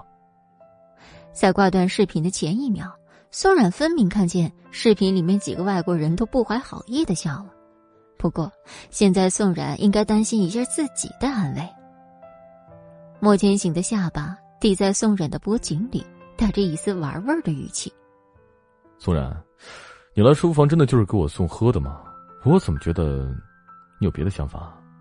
天地良心。宋冉就是王妈姨跑腿儿的。宋冉不安分的动了动自己要麻掉的腿，没等自己说话，莫千行的吻就堵上了他的唇。宋冉知道，莫千行是兽性大发，想想刚刚莫千行说的话，宋冉觉得自己真是太蠢了，简直就是羊入虎口啊！莫千行不轻不重的咬了宋冉的下巴一口，疼。宋然，这样你也能走神啊？是不是我把你这只小猫给惯坏了？莫千行的大手开始不安分起来，宋冉觉得自己现在实在是太容易就害羞了，他紧紧拽着莫千行的衣领。猫，没有啊，那个，我们回房间吧。莫千行把他打横抱起来。好啊。宋冉还想着自己怎么才能逃脱莫千行的魔爪。而莫千行想的却是怎么才能把怀里这小猫吃干抹净。推开卧室门的莫千行率先开始行动，宋冉落败，然后便是一夜春光。温泉小屋送走了齐军跟薇薇安后，里面林雨柔跟冷菲菲还在，舒服的泡在温泉里玩着手机的林雨柔想喊冷菲菲一起来一张自拍照，但是她看见冷菲菲。在对面呆呆的望着水面，他觉得冷菲菲现在魂不守舍，有什么事情瞒着自己。他悄悄把手机放在池边，然后慢慢从池子这边靠过去。温热的水泼到冷菲菲脸上，她被吓了一跳，但马上就向林雨柔发起了攻击。好好的安静泡温泉，变成了两个女人的泼水节。闹够的两人一起靠在池边，林雨柔问。菲菲，你今天怎么回事？小脑袋瓜想什么呢？那么专注。冷菲菲知道，心里话不能告诉林雨柔这个大嘴巴，只好说：“你这个傻瓜，在担心我吗？我在想店里的事儿。今天偷偷给你跑出来，客户肯定会投诉我的。这有什么呀？我爸现在公司业绩蹭蹭上涨，我可以养你啊。”你就放心的跟我一起享福就好了。林雨柔眼神中的轻蔑，他看得清清楚楚。说实话，自己也很讨厌林雨柔的为人。冷菲菲很早就一个人出来打拼，对人说人话，对鬼说鬼话，她有一套自己的方式。她现在明白，现在跟林雨柔必须保持良好关系，所以就继续维持着虚假的姐妹情吧。冷菲菲靠在林雨柔的肩膀，嗲嗲说道：“那林雨柔小姐可要好好照顾小女子小店的生意。当然了，你可是我最好的朋友。对了，一说公司，我就想起一个人，我觉得我真的要跟你吐槽一下。”冷菲菲觉得林雨柔肯定又要吐槽林氏集团那点破事儿，在这泡温泉不就是为了放松吗？自己并不想听林雨柔的废话，正想找个话题岔开，林雨柔问道：“你还记得刚才试衣间里那个欧美女人吧？她就是我爸公司招来的国外设计师，叫 Helen。你听这名字多俗啊！我告诉你，我从第一眼见她我就对她喜欢不起来。”冷菲菲想到了那个只有一面之缘的外国女人，原来她叫 Helen。这下，冷菲菲提起了想听林雨柔说话的兴趣。林雨柔看见冷菲菲并没敷衍自己，假装听之后，对她的印象又好了一些。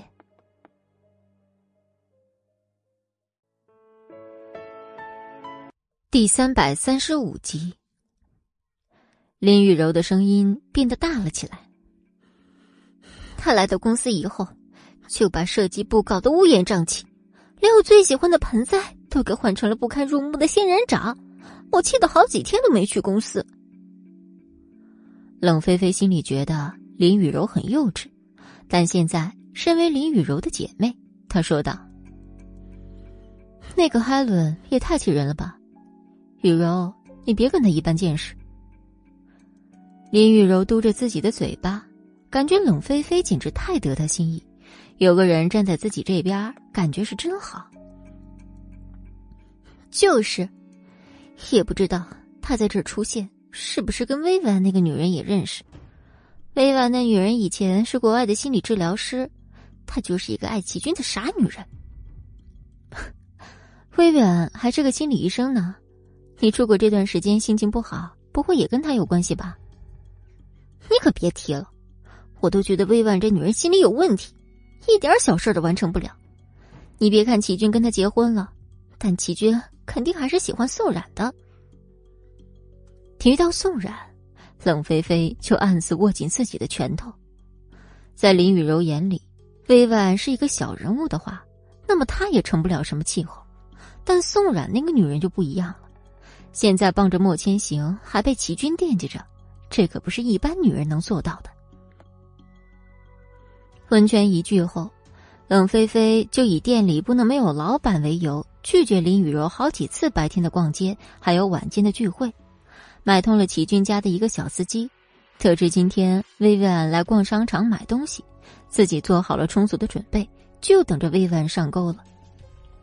果然，上午十点时，薇薇安跟几个保镖来到冷菲菲所处的商场。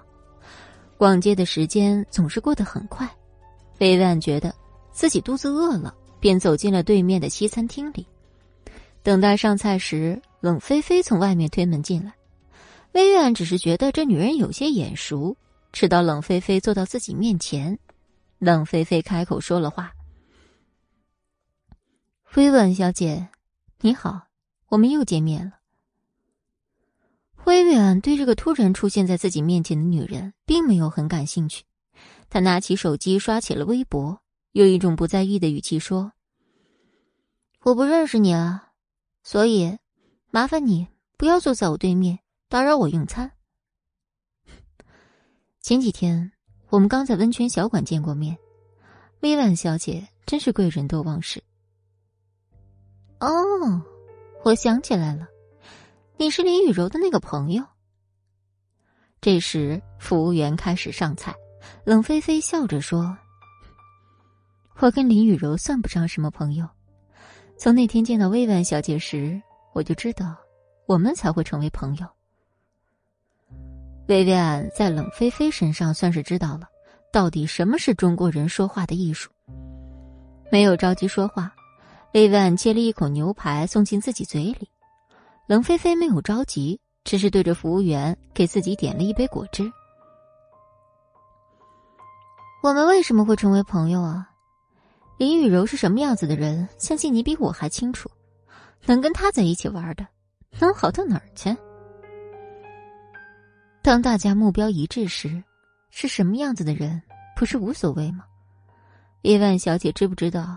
有句话是这样说的，叫做“敌人的敌人就是朋友”。这也是你跟我为什么愿意跟林雨柔玩的原因，不是吗？薇薇安听完冷菲菲的这段话，便真的有用正眼看了冷菲菲。冷菲菲喝了一口果汁，接着说：“所以，薇薇安小姐，你愿意跟我做朋友吗？做了朋友，然后呢？除掉宋冉。”薇薇安没想到冷菲菲会这么直接的说出自己内心一直有的一个想法。但想到宋冉，薇薇安的脸上紧绷，认真的问：“为什么要除掉宋冉？你喜欢莫千行还是齐军？”冷菲菲在心里狠狠嘲笑面前的薇薇安，这女人还真的像林雨柔说的一样，是一个喜欢齐军的傻女人。这样的女人根本配不上齐军。我喜欢莫千行已经很久了，比宋冉还要久。齐军是你的老公，我怎么可能喜欢他呢？我们是朋友，还请薇婉小姐不要乱想。哼，这么说，那我们就是朋友了。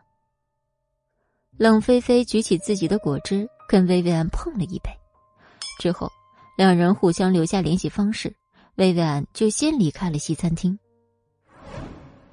还在熟睡的宋冉跟莫千行是被手机铃声吵醒的。宋冉嘟囔着推了莫千行一把，莫千行只好认命的睁开眼睛去寻找铃声的来源。喂，暮云看了一下时间，确实是早上八点多了，便对手机说：“莫总，你今天早晨八点有个会，现在已经八点一刻了。”可这手机屏幕，暮云感觉到了一丝尴尬。现在的通话每一秒都是煎熬。宋冉发现莫千行光着身子站在下面，便说：“莫千行，你不穿衣服吗？”莫千行只觉得。宋冉这话说的真是时候，他重新躺到床上，对手机那头说：“宋冉让我穿衣服了，我一会儿就过去。”宋冉本来就是随口一句，但现在整个人都清醒了。莫千行他正在打电话，电话那头是公司的人，应该是来催他上班的。电话被无情挂断后，暮云一个人站在会议室外面，凌乱了。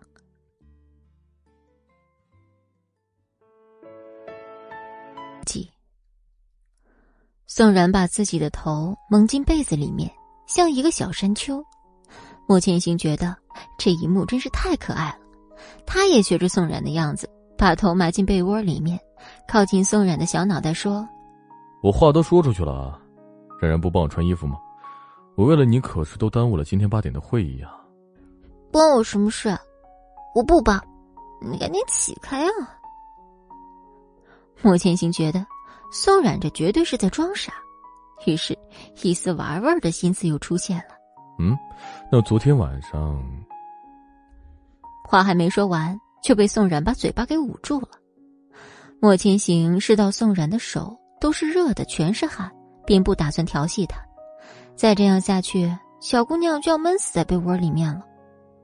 现在时间可是在一分一秒的过去，莫千行今天有一大堆的事情要忙。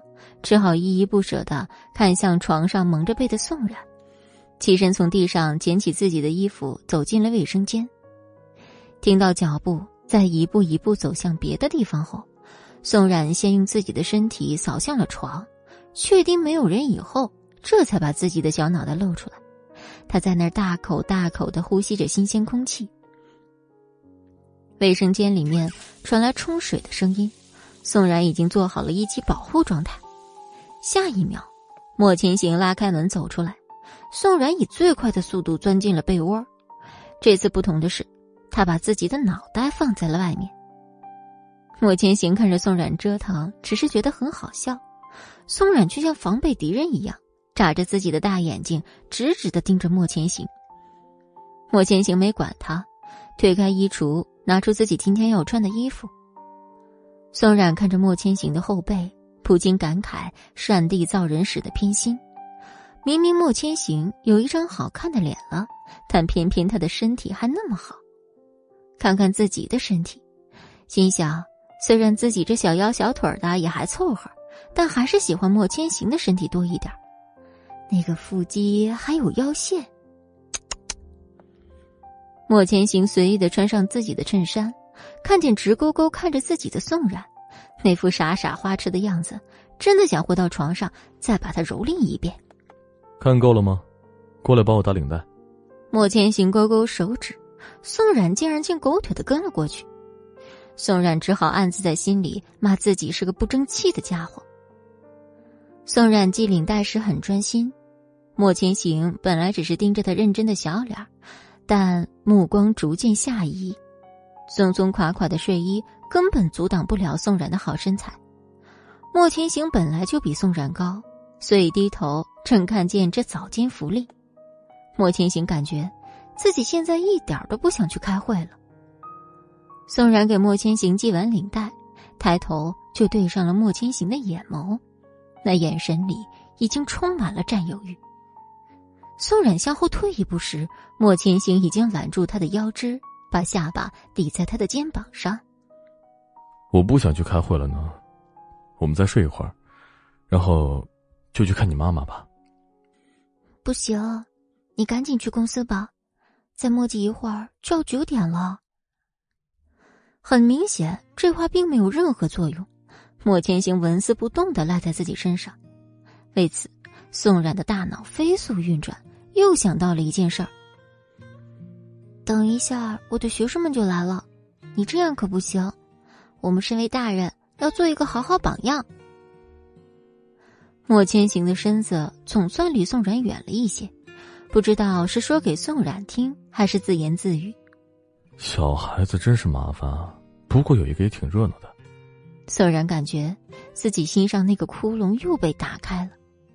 是啊，如果有个孩子的话。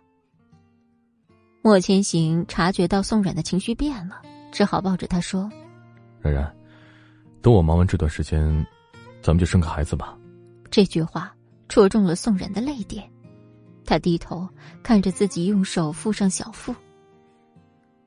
莫千行，我可能生不了孩子了，你还是去找别人吧。我已经失去生孩子的机会了。一切都会慢慢变好的。没有什么不可能的，我们一定会有孩子的。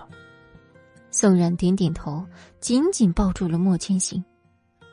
王妈在客厅已经陪着几个小孩玩了半天，闹不过他们，只得上楼来，敲了敲卧室的门，问：“冉冉，起来了吗？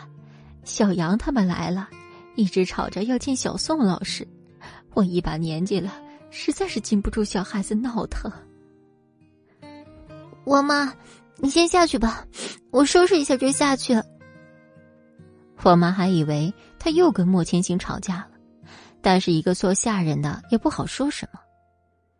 莫千行亲了一下宋冉的额头，安抚他说：“我去下面看看他们，你先去洗把脸吧。小猫哭成小哭包了。”宋冉不喜欢莫千行最近给他喊的各种外号，不满的撇着嘴巴去洗脸。等下还要见学生，宋冉要保持一个良好的形象。莫千行走到楼下时，几个小孩已经安静下来。小鱼率先站起来开口说：“莫叔叔，早上好。”其他小孩子紧跟其后。莫千行的心里是比较喜欢这里面唯一的小女孩小鱼的，大概以后会变成一个女儿奴吧。但是现在。他还是依然板着那副严肃的脸，对着小孩子们说：“你们好，小宋老师昨天晚上很累了，所以你们等下要好好听小宋老师的话，知道吗？回来如果小宋老师不开心了，我拿你们试问。”几个小孩子被莫千行的气场给震慑住了。他一说完话，孩子们就对莫千行乖巧的点点头。莫千行满意的离开了家。冷菲菲和微婉见面面以后，自己也没有停下来。花钱找了一些人在莫家周围踩点儿观察宋冉的动向。几天下来，发现宋冉基本上不会出门，莫家周围也有各种各样的保镖每天站岗，唯一的突破口就是每天来莫家上课的孩子身上。冷菲菲把这消息告诉薇薇安后，两人不约而同的想到了一起，计划很快就被制定好了。当莫千行赶到公司时，已经九点一刻。但会议室里没有一个人敢抱怨。莫千行站在台子上说的第一句话就是：“抱歉，今天我来晚了。既然又给大家那么多的时间准备，那现在就开始进行下周的设计项目演说吧。”大家还沉浸在莫千行的第一句中，雷厉风行的莫总竟然跟他们说抱歉，这绝对是太阳打西边出来了。暮云用笔敲了敲桌子，这才把大家伙的思绪拉回来。第一个讲解的人是思慕，他的新项目跟设计，通通都放在了第一个。就这样，一上午很快就在开会中过去。百三十七集，宋冉快速的刷牙洗脸，出来发现莫千行已经走了，但丝毫不影响自己的好心情，在衣橱里找到一件纯白色的连衣裙换上，就下了楼。小孩子们在莫千行走后，便又热闹了起来。宋然只是笑笑，一边下楼一边说：“是哪个小孩子不听话，吵得老师都睡不着了？”三四个小孩听见宋冉的声音，就迈着自己的小腿朝这边跑来。宋冉惊喜之情溢于言表。小孩们乖乖的站成一排，对宋冉说：“小宋老师好。”宋冉按顺序一个一个摸着他们的小脑袋回道：“你们好，现在我们人到齐了，就去琴房吧。”王妈本来还想着把厨房做好的饭端出来让宋冉吃完再去给孩子们上课。但是等他出来时，宋冉跟孩子们已经不在客厅了。今天宋冉没教太多的东西，主要的内容就是考察他们的基本功还有学习情况。音律最好的人就是唯一的女孩小鱼，男孩接受新鲜事物快，但还是太小，心智不成熟，非常容易被外界的事物打扰。特别是小杨，今天不知怎么一直很兴奋的，老是去找小鱼的麻烦。小鱼就跑过来跟宋冉告状。宋冉的模样一看就没气势，只好掐着自己的腰，假装很严肃的说：“小杨，你不乖哦。”小鱼靠在墙上应和着宋冉：“就是就是，你忘记莫叔叔今天早晨说的话了吗？”宋冉听完小鱼的话，暂时就把批评小杨的事儿放到了一边。莫叔叔，莫千行今天早晨跟你们说了什么？另一个一直很安静的男孩子说：“莫叔叔说，小宋老师昨晚很累，让我们今天不要惹你生气。”这种话虽然是从小孩嘴里说出来的，但宋然想到。莫千行那副认真跟小孩子讲话的样子，就笑了出来。小杨是男孩子了，不可以欺负小鱼。如果你再找小鱼麻烦，那么等一下就没有甜点可以吃了。果然，还是吃的对小孩子管用。不管是小杨还是其他两个孩子，也老实了一些。王妈觉得快到中午了，便去了琴房。孩子们一见王妈来了。就知道中午下课时间到了。果然，宋冉说了下课，然后他们一起来到客厅。接下来就是等王妈做好吃的饭了。冷菲菲不像林雨柔，每一次都蠢蠢的用自己身边的人。据他所知，那个帮他绑架宋冉的表哥王亮，到现在还在莫千行的手里，林雨柔也没有办法去把他救出来。薇薇安每一天就会黏着齐军，但是今天齐军觉得很反常。薇薇安主动吃完饭后提出要自己逛商场，就不回来跟他一起吃中午饭了。在齐军的印象中，前几天薇薇安才去完商场，事出反常必有妖。齐军现在对薇薇安已经没有什么感情了，直觉告诉他，今天的薇薇安绝对有问题。薇薇安哼着小歌回卧室化妆打扮，坐在饭桌上，齐军拨打了齐浩白的电话。他眼睛一直看着卧室的方向，看薇薇安是不是会突然出来。那边很快就被接通了。帮我盯着薇薇安。齐浩白觉得，现在齐军做事真是越来越让人难以捉摸。薇薇安是他老婆，但现在却让自己盯着。思考再三，齐白浩还是觉得这样不妥。少爷，这样让薇薇安小姐如果知道的话，是不是不太好啊？齐军不知道是不是假装听不懂齐白浩的话外之意。如果能被薇薇安知道的话，那么你也可以被解雇了。齐白浩知道齐军铁了心要让自己跟踪薇薇安，只好在挂断电话以后给齐连松打了电话报备这件事儿。中午吃完饭的孩子们并不想去睡午觉。宋冉自己也没吃饭，索性放他们自己去院子里玩，趁机也赶紧把饭吃了。王妈看着宋冉得到孩子们的同意，一蹦一跳的出了客厅，笑着打趣儿：“冉冉啊，以后也生三个孩子吧，你看多热闹呀！”哎，算了吧，一个孩子都要把我闹腾死了，你看这三个，我根本管不了。多吃点饭，我相信莫总会帮你看孩子的。咱们要生啊，就多生几个小孩，多好玩啊！宋冉觉得，此刻的王妈像极了催生的妈妈，她觉得自己肯定说不过王妈了，只好闷头多吃饭。自己的心里也确实很想要一个孩子。十来分钟后，小杨气喘吁吁跑过来，宋冉还以为几个孩子玩疯了。看着小杨说：“你慢点跑，刚吃完饭不能剧烈运动。”小宋老师，大事不好啊！小鱼，小鱼他被坏人抓走了。小杨的话在宋冉这像是恶作剧。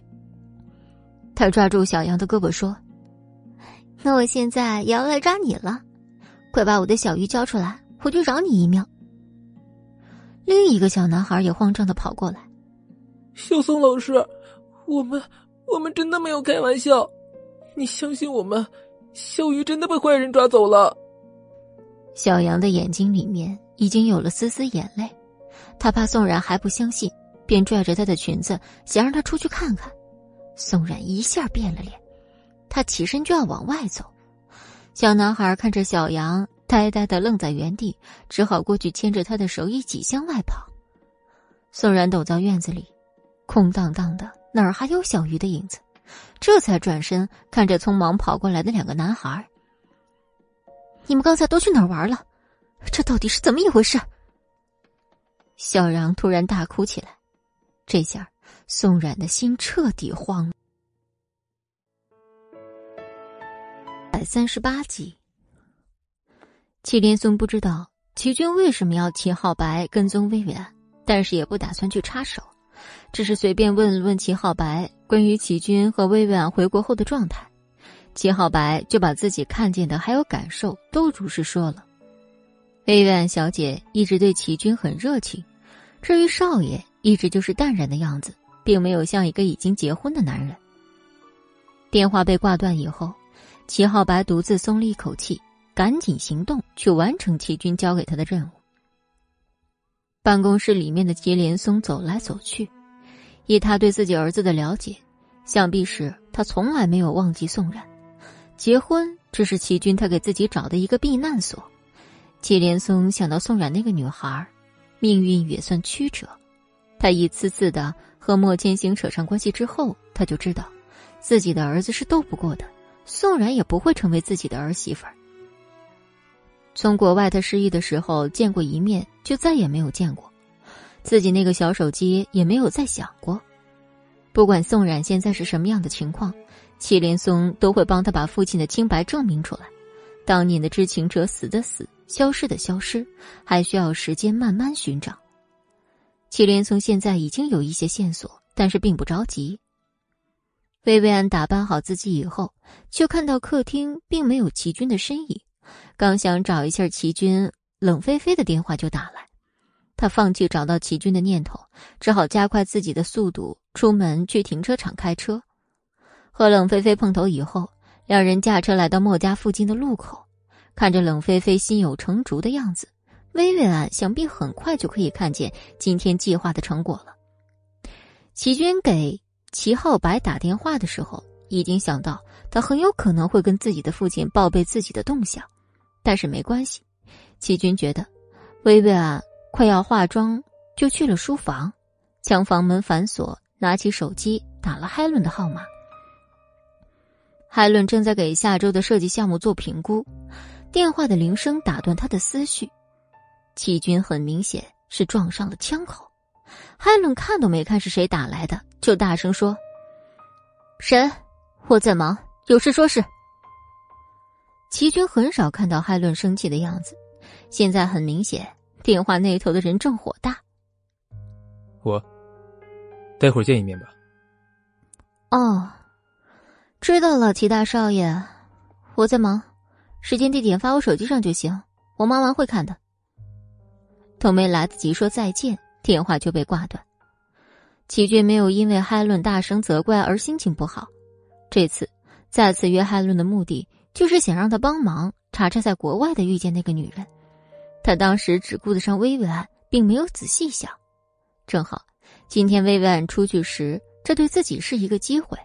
他想知道，当年唐婉晴和祁连松上完床后，怎么没有当上齐太太，而是到了国外？当年究竟发生了什么？难道真如祁连松说的那样，自己是被陷害的吗？那也太细思极恐了。这种陈年老事，再加上牵扯到了国外，齐军觉得只有海伦一个女人能做得到。齐军想想都觉得自己现在正一步一步接近真相，这种感觉让自己热血沸腾。薇薇安已经在车里待了将近二十分钟，看见冷菲菲一脸气定神闲的样子，跟自己形成鲜明的对比，心生不满以后，对冷菲菲说道。不就是让你去绑架一个人吗？你找的什么人啊？怎么还没好？冷菲菲听完薇薇安的话，竟然会联想到林雨柔那个女人，果然都是低智商动物。别急，我找的这个人绝对靠谱，咱们再等一会儿。冷菲菲安慰似的话语，并没有让薇薇安的心情平静下来，鼻音发出了一声不耐烦的哼以后，薇薇安只好认命的在车里继续坐着等待。终于，又过去十多分钟的情况下。有一辆可疑的车从莫家方向开了出来，冷菲菲的嘴角露着一抹自信的笑。薇薇安看见车子在他们这儿停下来，里面的女人比了个手势，这才确定是自己的人得手了。车子开走以后，薇薇安刚要跟上冷菲菲，就说道：“别走，会引起别人注意的，咱们过五分钟再走。”薇薇安觉得。今天一上午的功夫都浪费在等待上，哪怕不愿意，还是要听冷菲菲的，因为他的话有一定的道理。这五分钟里，薇婉一直在想后续的事儿。如果事情败露，他就要把冷菲菲搬出来替自己挡罪。他自认为自己想的很好，但是冷菲菲又怎么可能会让那样的事情发生呢？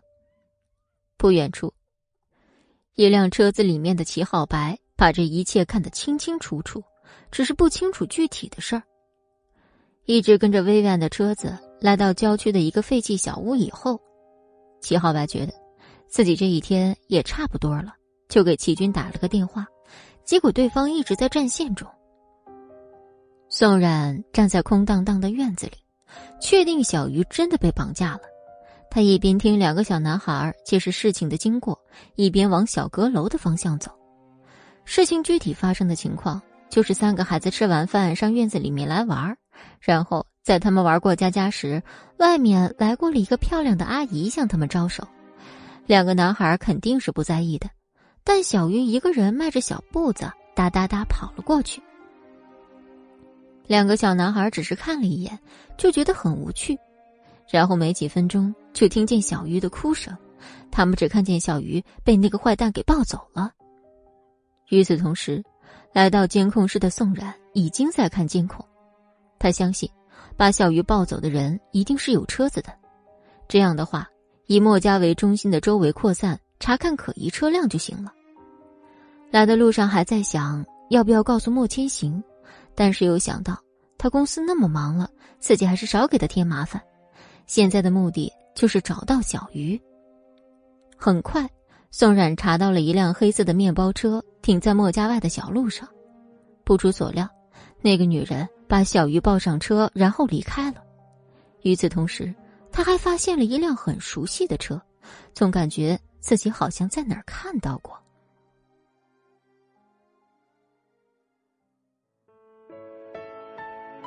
第三百三十九集。现在知道宋冉的心情已经比刚才稳定多了。刚出监控室，宋冉看见两个孩子正站在阁楼下面等着他。宋冉这才发现，自己刚才一直没顾得上这两个小孩，赶紧上前说：“对不起，都是老师的错，没有好好看好你们。你们俩放心吧，老师一定可以把小鱼从坏蛋手里救出来的。”两个小男孩点点头，宋冉牵着他们的手往回走。路过停车场时，宋冉茅塞顿开。刚才觉得熟悉的车是齐军家的车，现在最重要的是要先把他们的安全保护好，然后继续想办法救小鱼。他让王妈把两个孩子看好后，自己去了楼上，拿起手机在通讯录找到那个很久没有打过的电话号码，打了过去。正在吃药的齐军听见自己手机响了，还以为是薇薇安打来的。慢吞吞的把水杯放下，才走过来拿起手机。来电显示是宋冉，齐军还以为自己出现了幻觉，揉了揉自己的眼睛后，看手机屏幕真是宋冉打来的，自己一下子变得很紧张，大脑一片空白，都不知等一下第一句话该说什么。他紧张的咽了口气，把电话接通，放在自己耳边。宋冉等待的这几十秒，心里简直要气炸了。把小鱼交出来，宋冉开口的第一句话就把齐军给整懵了。冉冉，是你吗？你在说什么呀？我怎么听不懂？手机震动了一下，齐军看见是齐浩白打来的，直接拒绝掉。齐军，你现在装有意思吗？自从上次，我们可再也没有联系过吧？那你现在算什么事儿？小孩子是无辜的。齐军觉得宋冉说的话简直牛头不对马嘴，但是提到孩子后，齐军错误的理解为宋冉还在怪自己害他流掉了孩子。冉冉，你别急，孩子的事情确实是我的错，但是那都是林雨柔指示我做的呀。冉冉，我真的很后悔。宋冉虽觉得齐军说话哪里不对，但还是接着说：“快把小鱼送回来，绑架一个小女孩，你也太卑鄙了。”齐军算是听明白了，虽然这是在怀疑他帮了一个叫小鱼的女孩。冉冉，我在你心里已经是一个人贩子了吗？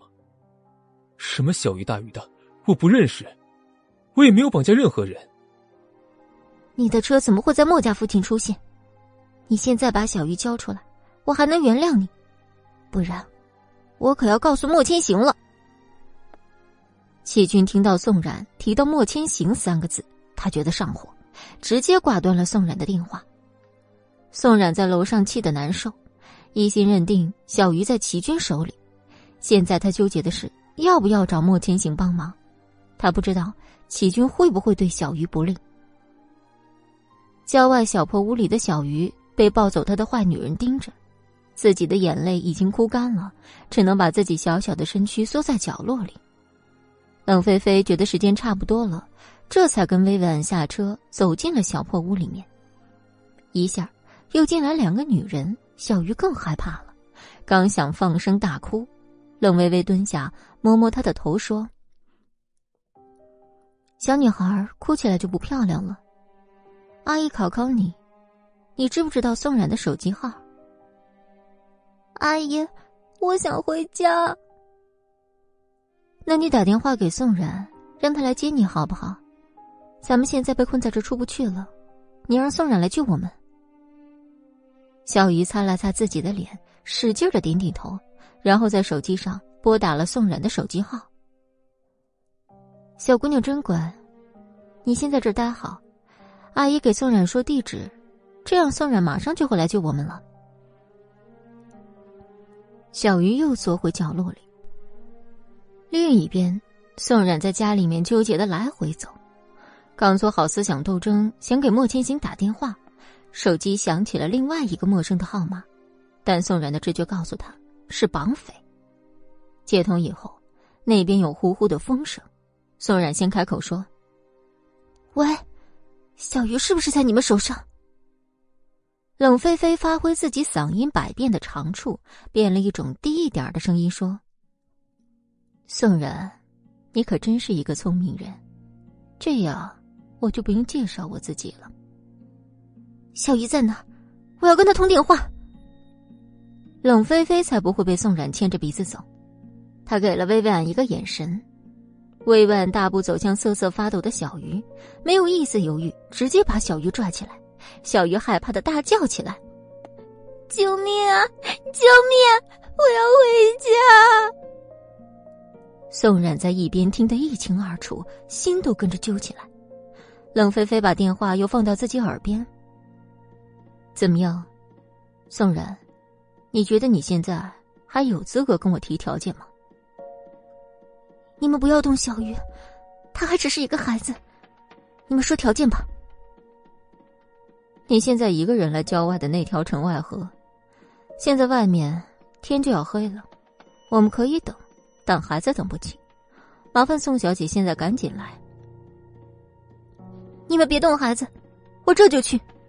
如果小玉有危险，我一定不会放过你们。电话被挂断，手机接收到了对面发来的城外河地址。王妈只看见宋冉一个匆忙的背影。还没来得及问去哪儿，宋冉就开车出去了。在路上时，宋冉想给莫千行打个电话说明一下，但自己的手机好巧不巧自动关机了，宋冉只好趁红绿灯的时间，赶紧把手机插在车上充电，心急如焚，一路飞驰。莫千行在办公室里处理着今天上报的文件时，总是心烦意乱。明明今天一切都很顺利，但心里就莫名觉得不安，不知道是为什么。文件处理不下去的莫千行，便站在宽阔的落地窗前，看着外面车水马龙。这时候，他很想念宋冉那个古灵精怪的小姑娘。偌大的房间那么安静，就需要他来陪自己说说话，或者是陪着他办公也行。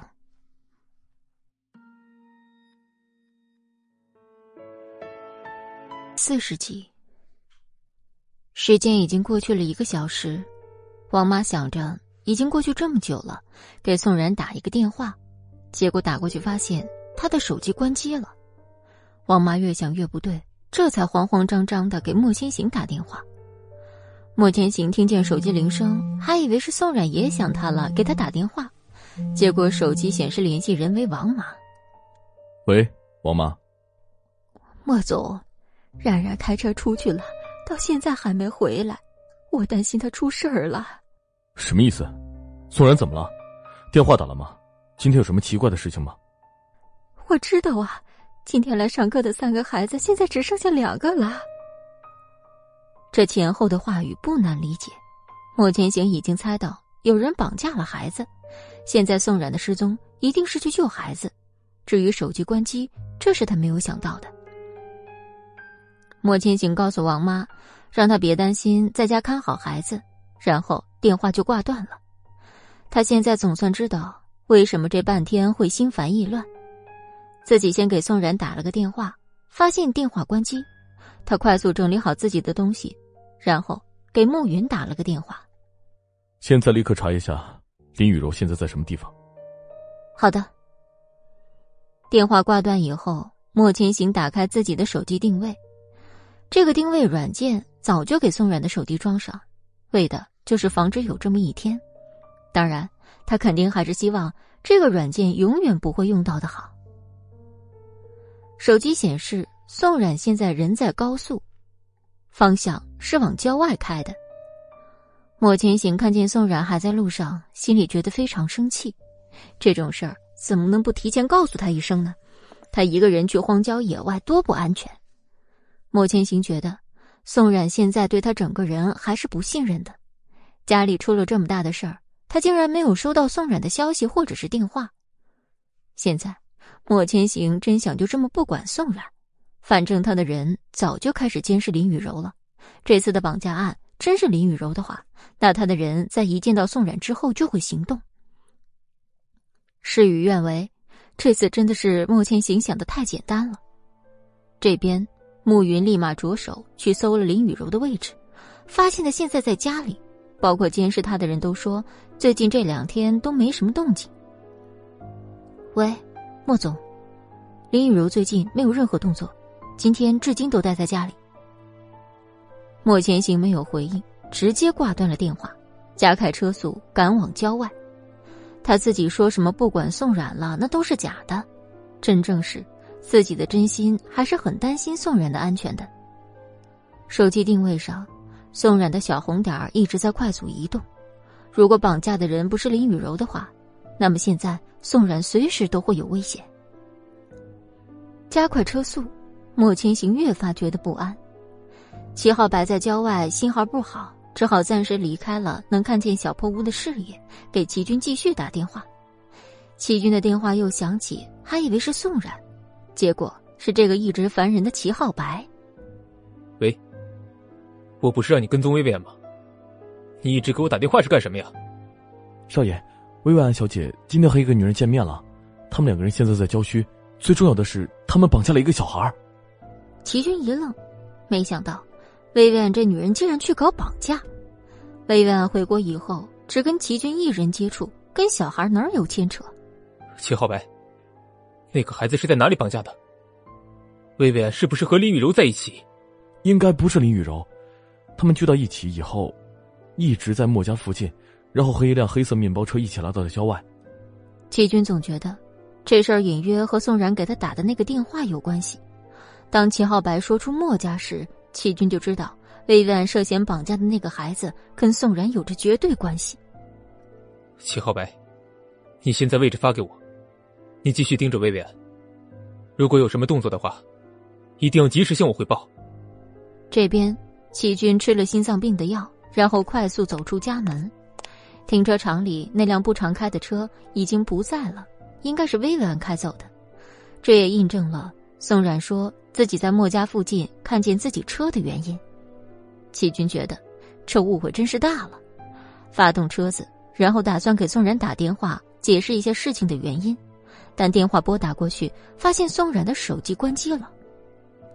高速公路属于拥挤路段，齐军只好更改路线，走一些小道。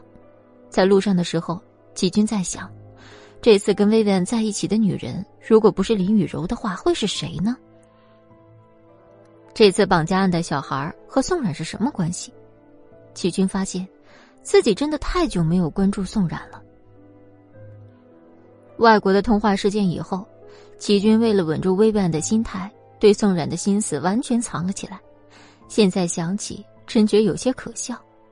自己现在已经被薇薇安潜移默化的影响，现在比较重要的就是宋冉手机已经关机。如果推断没问题的话，宋冉现在已经在去往郊外的路上。想到这儿，齐军想到再一次和宋冉见面会是这样的局面。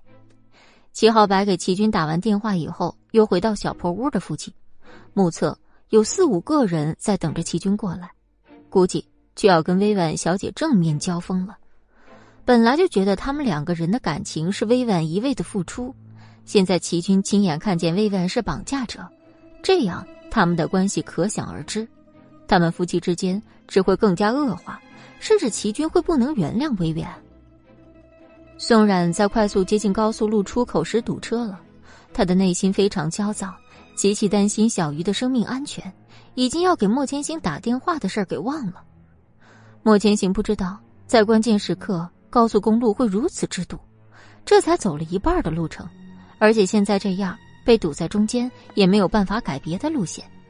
他又尝试给宋然打了好几个电话，一直都是关机状态。莫千行此时的气压越来越低。